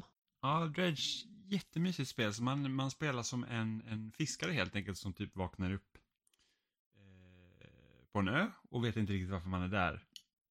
Och sen hamnar man liksom i någon form av Ja men man försöker typ säga okej okay, men jag är fiskare, jag ska fiska liksom och eh, sen hamnar man i något här mysterium som händer liksom i, runt de här öarna som spelet utspelar sig vid och så ska man, så, så hittar man någon så här typ någon snubbe som ber dig att leta efter artefakter och sånt. Eh, och då är det liksom det man gör samtidigt som man fiskar, tjänar pengar, uppgraderar sin båt och sånt så man kan liksom få tag i olika typer av fisk.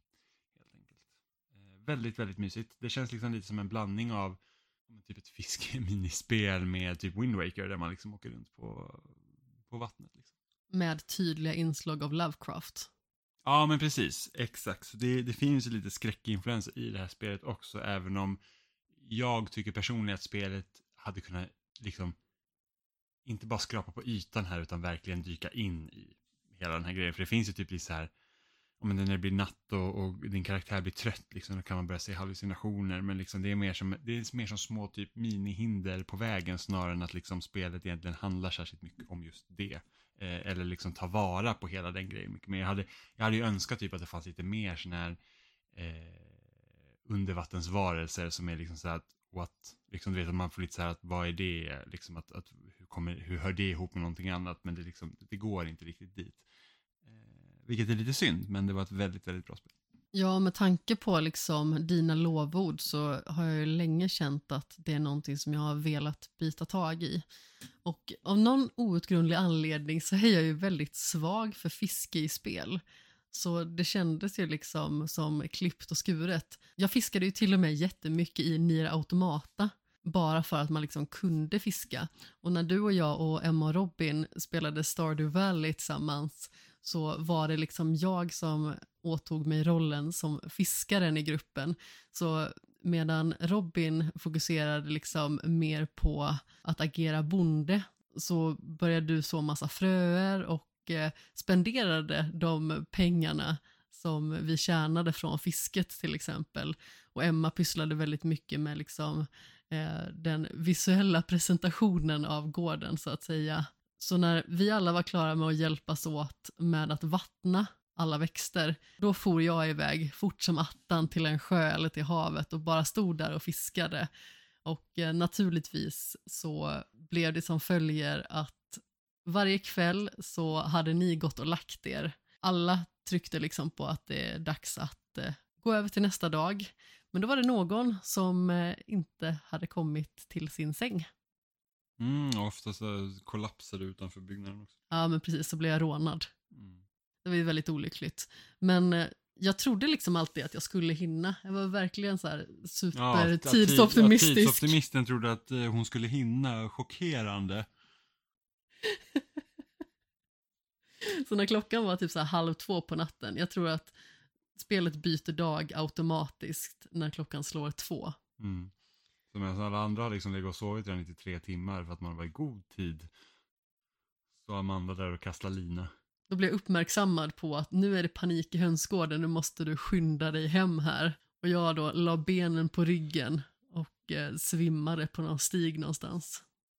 Men nu har vi pratat jättemycket om eh, spel otroligt länge. Och eh, det är ju faktiskt så att vi har ju ett verk till som vi kommer diskutera. Och det är inget spel utan det är en film. Och ganska så lägligt med tanke på vilken tid det är på året så har vi sett filmen Midsommar.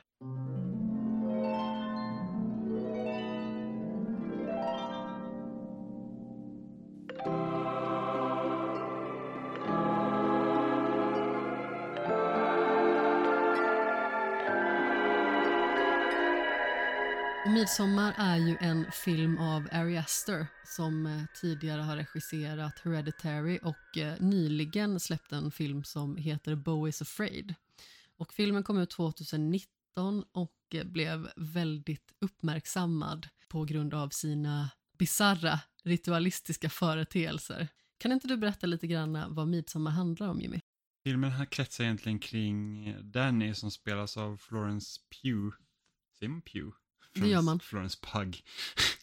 Ehm, där hennes syster har precis inte bara tagit självmord utan också sett till att hennes mamma och pappa har dött. Liksom. Eh, så hon har egentligen mördat sina föräldrar och sen tagit självmord. eh, För att hon har varit liksom otroligt deprimerad. Ehm, Och Danny är ju såklart otroligt ledsen över, över detta och så har hon en pojkvän som inte är speciellt, eh, vad ska man säga, stöttande henne. Han tycker att hon är ganska jobbig eh, egentligen. Eh, men då ska ju han, pojkvännen då, åka till Sverige med kompisar för att fira midsommar. De har blivit inbjudna av, av hans svenska kompis helt enkelt och eh, Danny får följa med helt enkelt.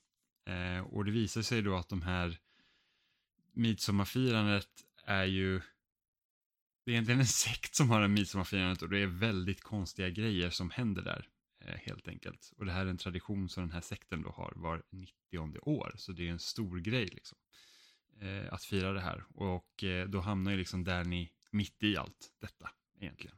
Ja, och från början så är hon ju liksom inte tilltänkt att följa med överhuvudtaget. Det är ju nämligen så att hennes pojkvän Christian har ju tänkt att de ska åka dit på någon, liksom någon form av killresa.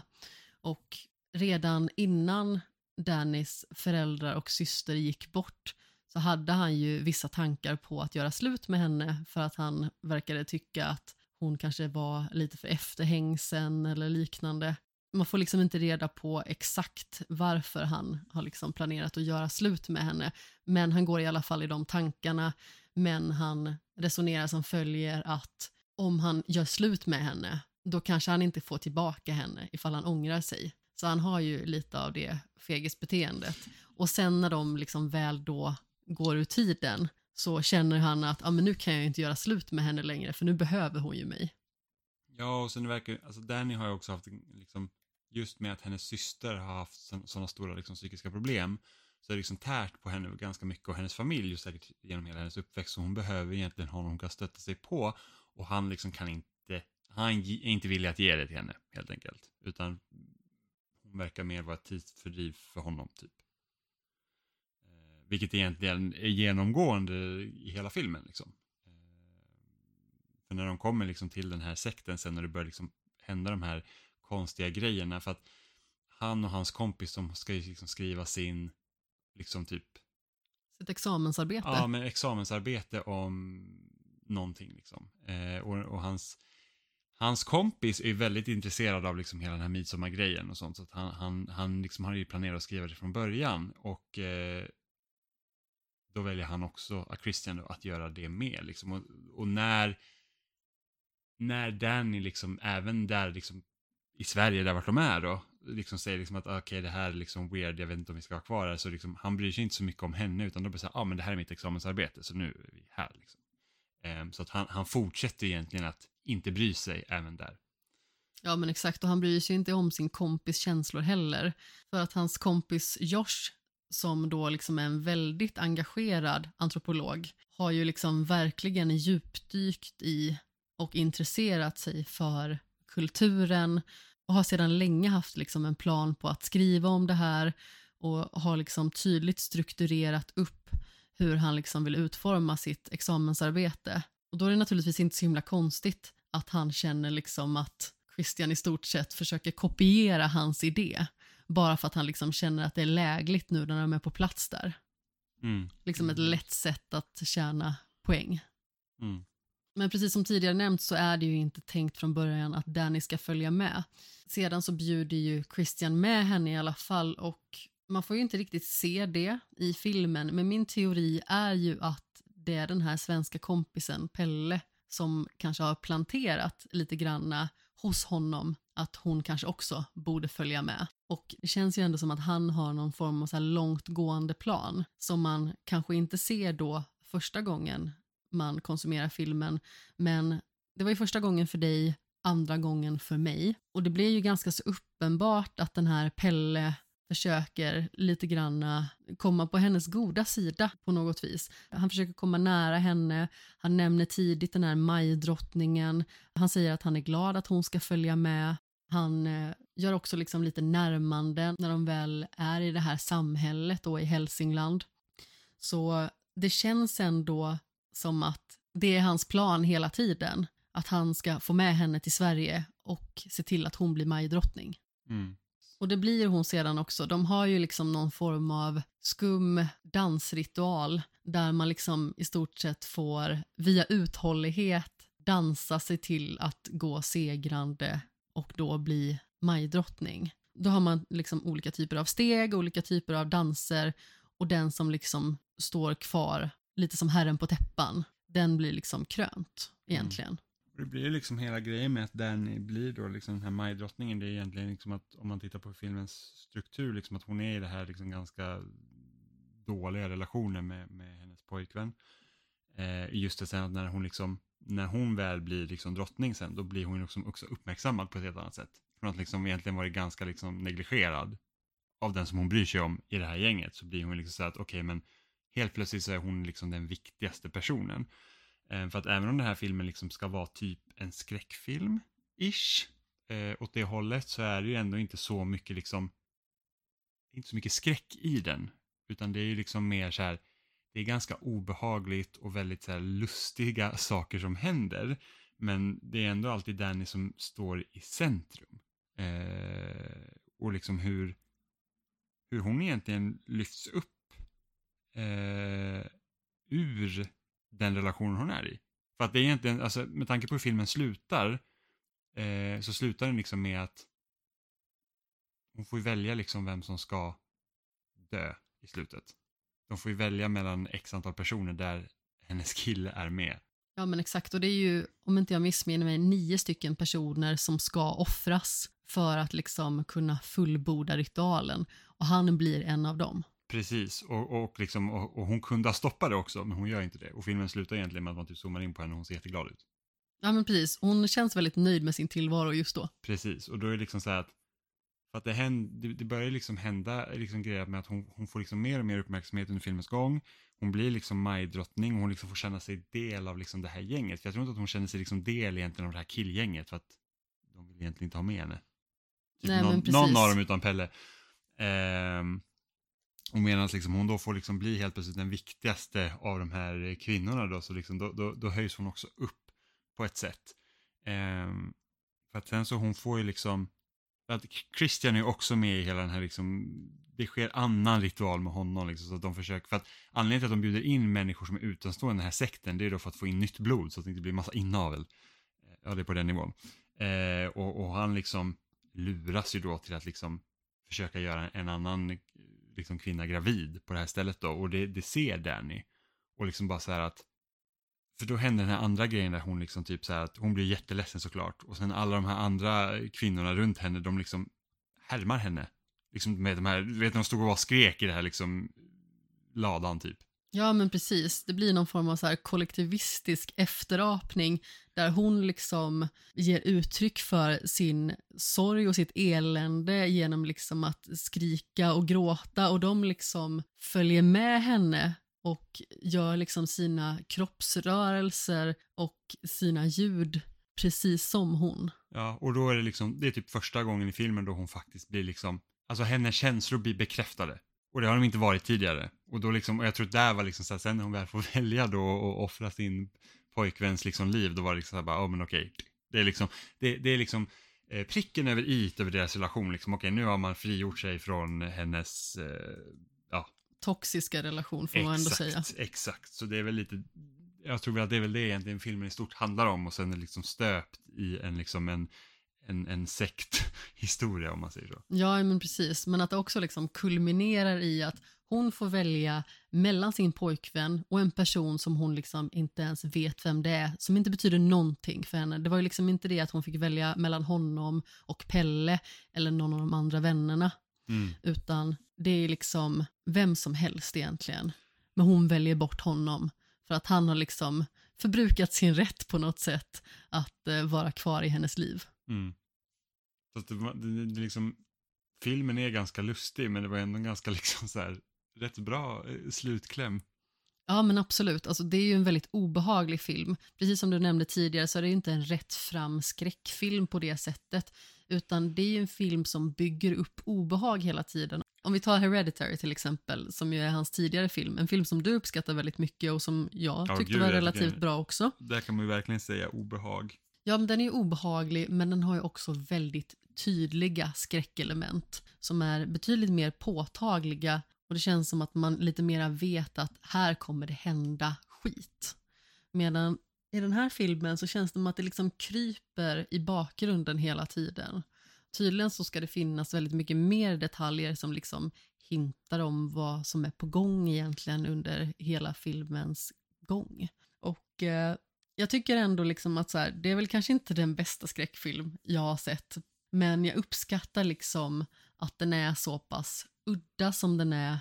Den här bizarra handlingen liksom och det händelseförlopp man liksom får följa hela vägen igenom. Och när man väl kommer till Horga som det kallas då, det här stället i Hälsingland. Existerar. Ja men precis. Mm, Horga finns ju, det är liksom, jag, jag tänkte bara det där måste man hitta på, men det, nej det finns. För de spelade inte in filmen i Horga. Nej, men de spelade in den i Bulgarien. Ja, men det är ju lite lustigt egentligen med tanke på hur Sverige ser ut. så Ja. tänker jag att då borde de ju rent praktiskt kunna spela in det här. Men samtidigt så kanske det finns lite för mycket bebyggelse. Jag tror också att det är billigare i Bulgarien. Ja, det är ju i och för sig sant det också. Men eh, det ser ju väldigt mycket ut som den svenska landsbygden. Ja men det är det. Eh, sen har ju typ midsommarfirandet som de utövar här har inte så mycket med vår midsommarfirande att göra. Nej, Förutom men typ att det är precis. majstång där liksom och de har typ kransar i håret. Men annars så är det liksom inte, det är inte som att man känner igen sig i, ja, såklart det händer en massa hemskheter, men redan, liksom, redan till en början så känner man sig inte riktigt igen sig i midsommarfirandet om man säger så. Nej men precis. Det är liksom ganska så lite sill och nubbe där och eh, mer eh, obehag och mord egentligen. Ja men precis. Det finns ju en väldigt obehaglig scen i den här filmen som jag tror är en av de som har hängt kvar med mig längst. För att jag ska villigt erkänna att efter förra gången jag såg filmen så kommer jag liksom inte ihåg allting så jättetydligt. Men just den scenen minns jag liksom väldigt väl. Och då är det två stycken personer som egentligen ska begå självmord. För att de har liksom nått sin ålder som man ska vara i det samhället. Och enligt deras filosofi så handlar det om att man ska liksom få gå ut med värdighet. Så därför hoppar de ut för en klippa. Ja jag vet, det var sjukt obehagligt. Ja men verkligen och det var en sån grej som stannade kvar med mig väldigt länge och som jag nästan lite grann våndades inför när vi skulle se den andra gång för att det är så otroligt vidrigt. Den första personen som hoppar ut för klippan är en kvinna och hon träffar en sten och krossas på direkten. Men sen så är det en man som ska hoppa ut och han landar på foten, bryter benet och är fortfarande levande så att de måste liksom komma fram ett gäng och klubba ner honom tills han dör och sen eldar de upp dem.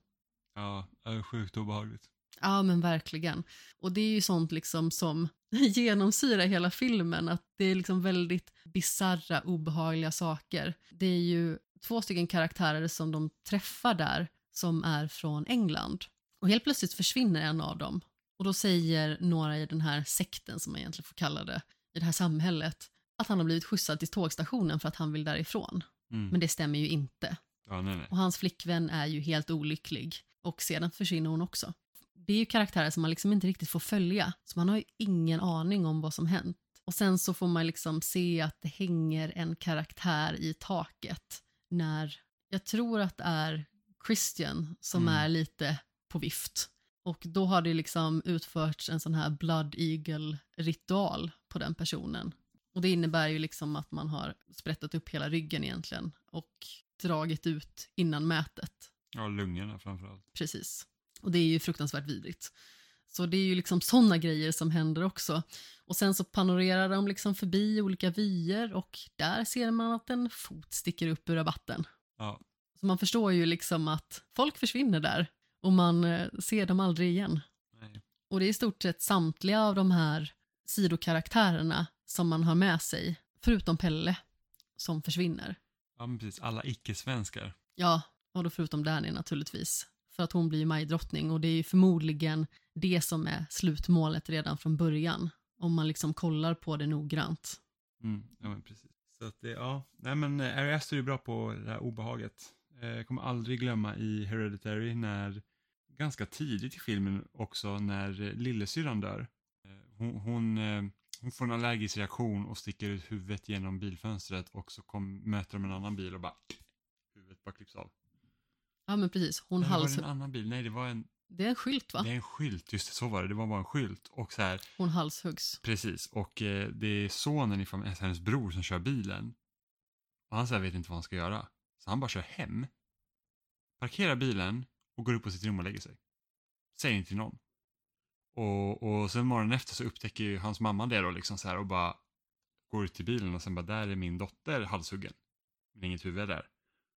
Och sen pratar ingen om det här i filmen på säkert 20-30 minuter. Och man bara känner hela den här känslan. Alltså det bara, så man bara, varför säger ingen någonting? Och det är bara otroligt obehagligt. Eh, så det gör han ju jättebra. Ja, men jag tror också att det är liksom hur den filmen byggs upp som gör att jag tycker att den är snäppet bättre än Midsommar. Just på grund av att det är så otroligt mycket känslor och underliggande ångest som bara byggs på och byggs på. Mm.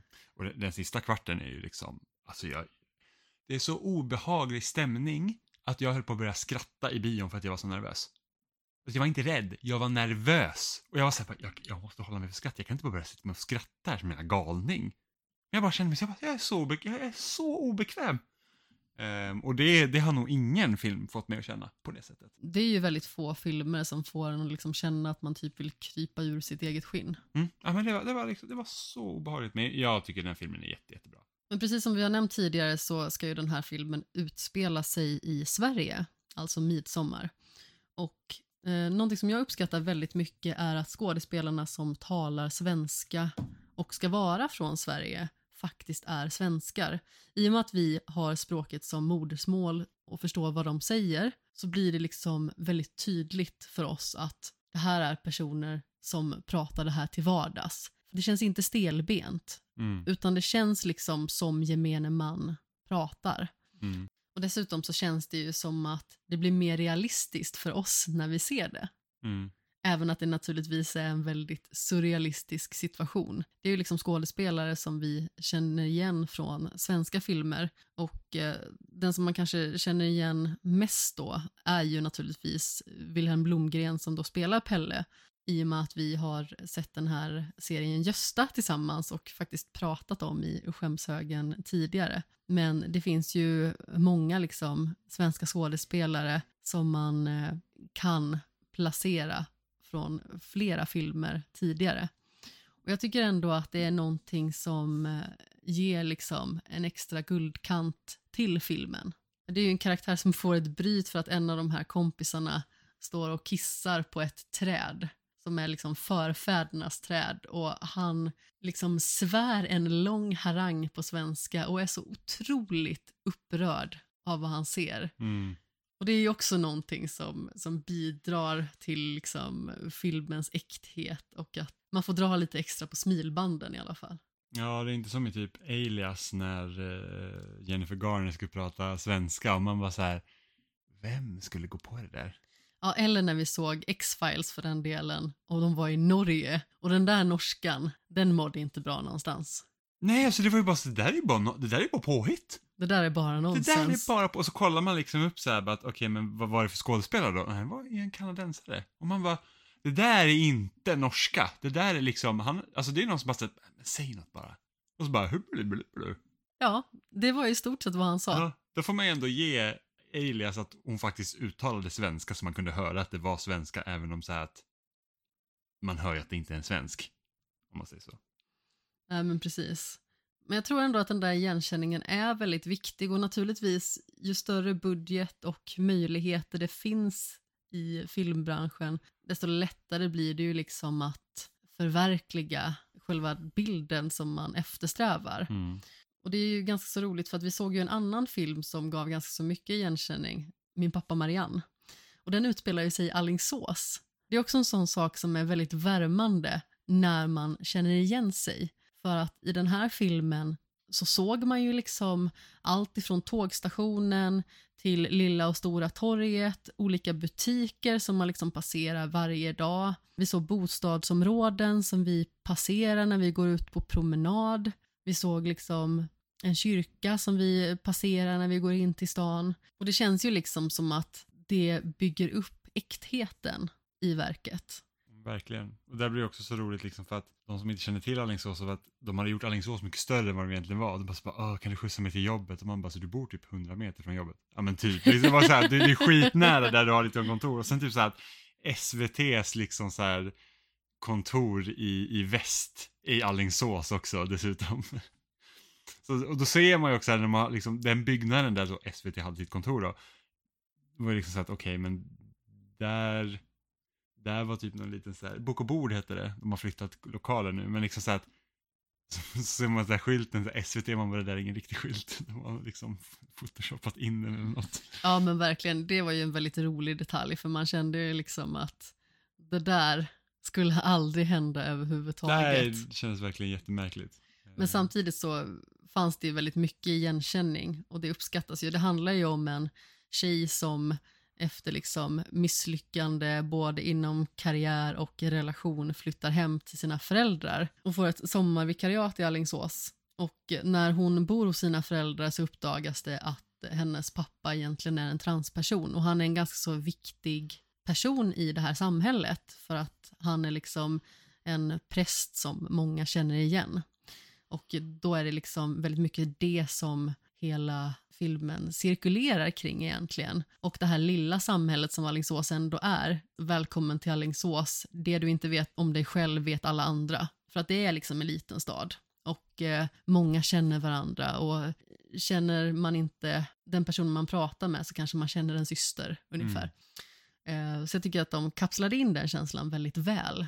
Och sådär. Och det är väldigt roligt för att Wilhelm Blomgren som också var med i Midsommar spelade också det romantiska intresset i Min pappa Marianne. Mm. Så där har vi liksom att cirkeln sluts på något vis. Mm. Men har du någonting mer som du vill säga om midsommar? Alltså vi får ju prata hur spoilerande vi vill i det här segmentet. Nej, jag har inte det. Ingen scen liksom som stannade kvar med dig förutom de vi liksom har påtalat tidigare. Nej, jag tror nog det mest obehagliga är när de hoppar liksom från eh, klippan där. Den är vidrig. Ja, för det är liksom också så att det är första gången man får märka, alltså man har känt att ja, de är lite märkliga, men det är liksom inte så här att livsfarligt, men sen är det så bara, nu har vi samlats här och sen så bara, men nu, nu hoppar vi ner så dör de. Och så, what? Men precis, de går från myskofika till... eh, Galenskaper. Ja, exakt. Men hur tycker du att den här står sig i relation till Hereditary? Ja, men jag tycker nog Hereditary är. Jag tycker att den är bättre sammansatt.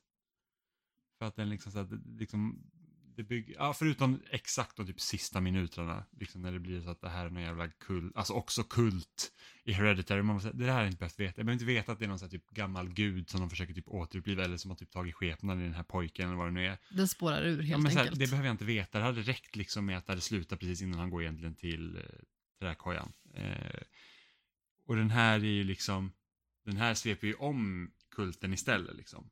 Eh, men nej, jag föredrar Hereditary. Ja, jag föredrar också den framför Midsommar, men jag tycker ändå att Midsommar växte på mig när jag såg den en andra gång. Dels för att man liksom såg nyanser som man inte upptäckte första gången man såg den, men också för att man förstod berättelsen mycket tydligare. Och det känns också som att vi tolkar vissa saker mycket på samma vis. Och jag hade egentligen ingen riktigt att diskutera filmen med när jag såg den första gången. Så jag tror att eh, det är väl mycket det som gör också liksom att man känner att den lyftes upp lite granna den här gången. Mm. Jag har ju bara sett den den här gången så att jag har inget att jämföra med. Men det är ändå en bra film. Jo men det är det, tycker jag. Det, det, är- det är roligt när den är liksom som typ kop, alltså stor koppling liksom till något svenskt firande. Även om deras midsommar inte är liksom riktigt som vi känner igen midsommar liksom. Men för någon som inte vet, någon som är utomstående, de tycker bara att svenskarna är galna. Ja, men precis. Men det var väl egentligen allting som vi hade för det här avsnittet. Vi har ju diskuterat många spel, vi har diskuterat vad vi skulle göra om vi fick tio veckors sommarlov och vi har diskuterat midsommar i den allra mest bizarra formen. Och har man några frågor och funderingar, förslag eller önskemål så är man hjärtligt välkommen att kontakta oss på skamshogensgmail.com eller via sociala medier där vi heter Skämshögen alternativt Skamshogen naturligtvis. Man får ju naturligtvis kontakta oss på våra privata konton också. Där heter jag ju Kapten Sten och du heter Seppala. 13. Men förutom på Twitter, vart finner man dig för någonstans? Eh, jag skriver om spel på loading.se och eh, vi poddar i spelsnack. Och även jag skriver på loading.se. Det kommer förmodligen komma en recension inom en relativt överskådlig framtid. Och precis som du nämnde så pratar vi om spel varje vecka i spelsnack. Så om man uppdaterar sin podcast-app på onsdagen så brukar det ligga ett litet avsnitt där och vänta. Men kommentera gärna också naturligtvis vad ni vill spela under er semester i sommar. Det kan ju vara att eh, ni också, precis som vi, har en relativt stor skämshög som man känner att man vill börja beta av. Sen så hoppas jag att vi hörs inom en relativt överskådlig framtid. Ja, Puss i ljumsken! hej då!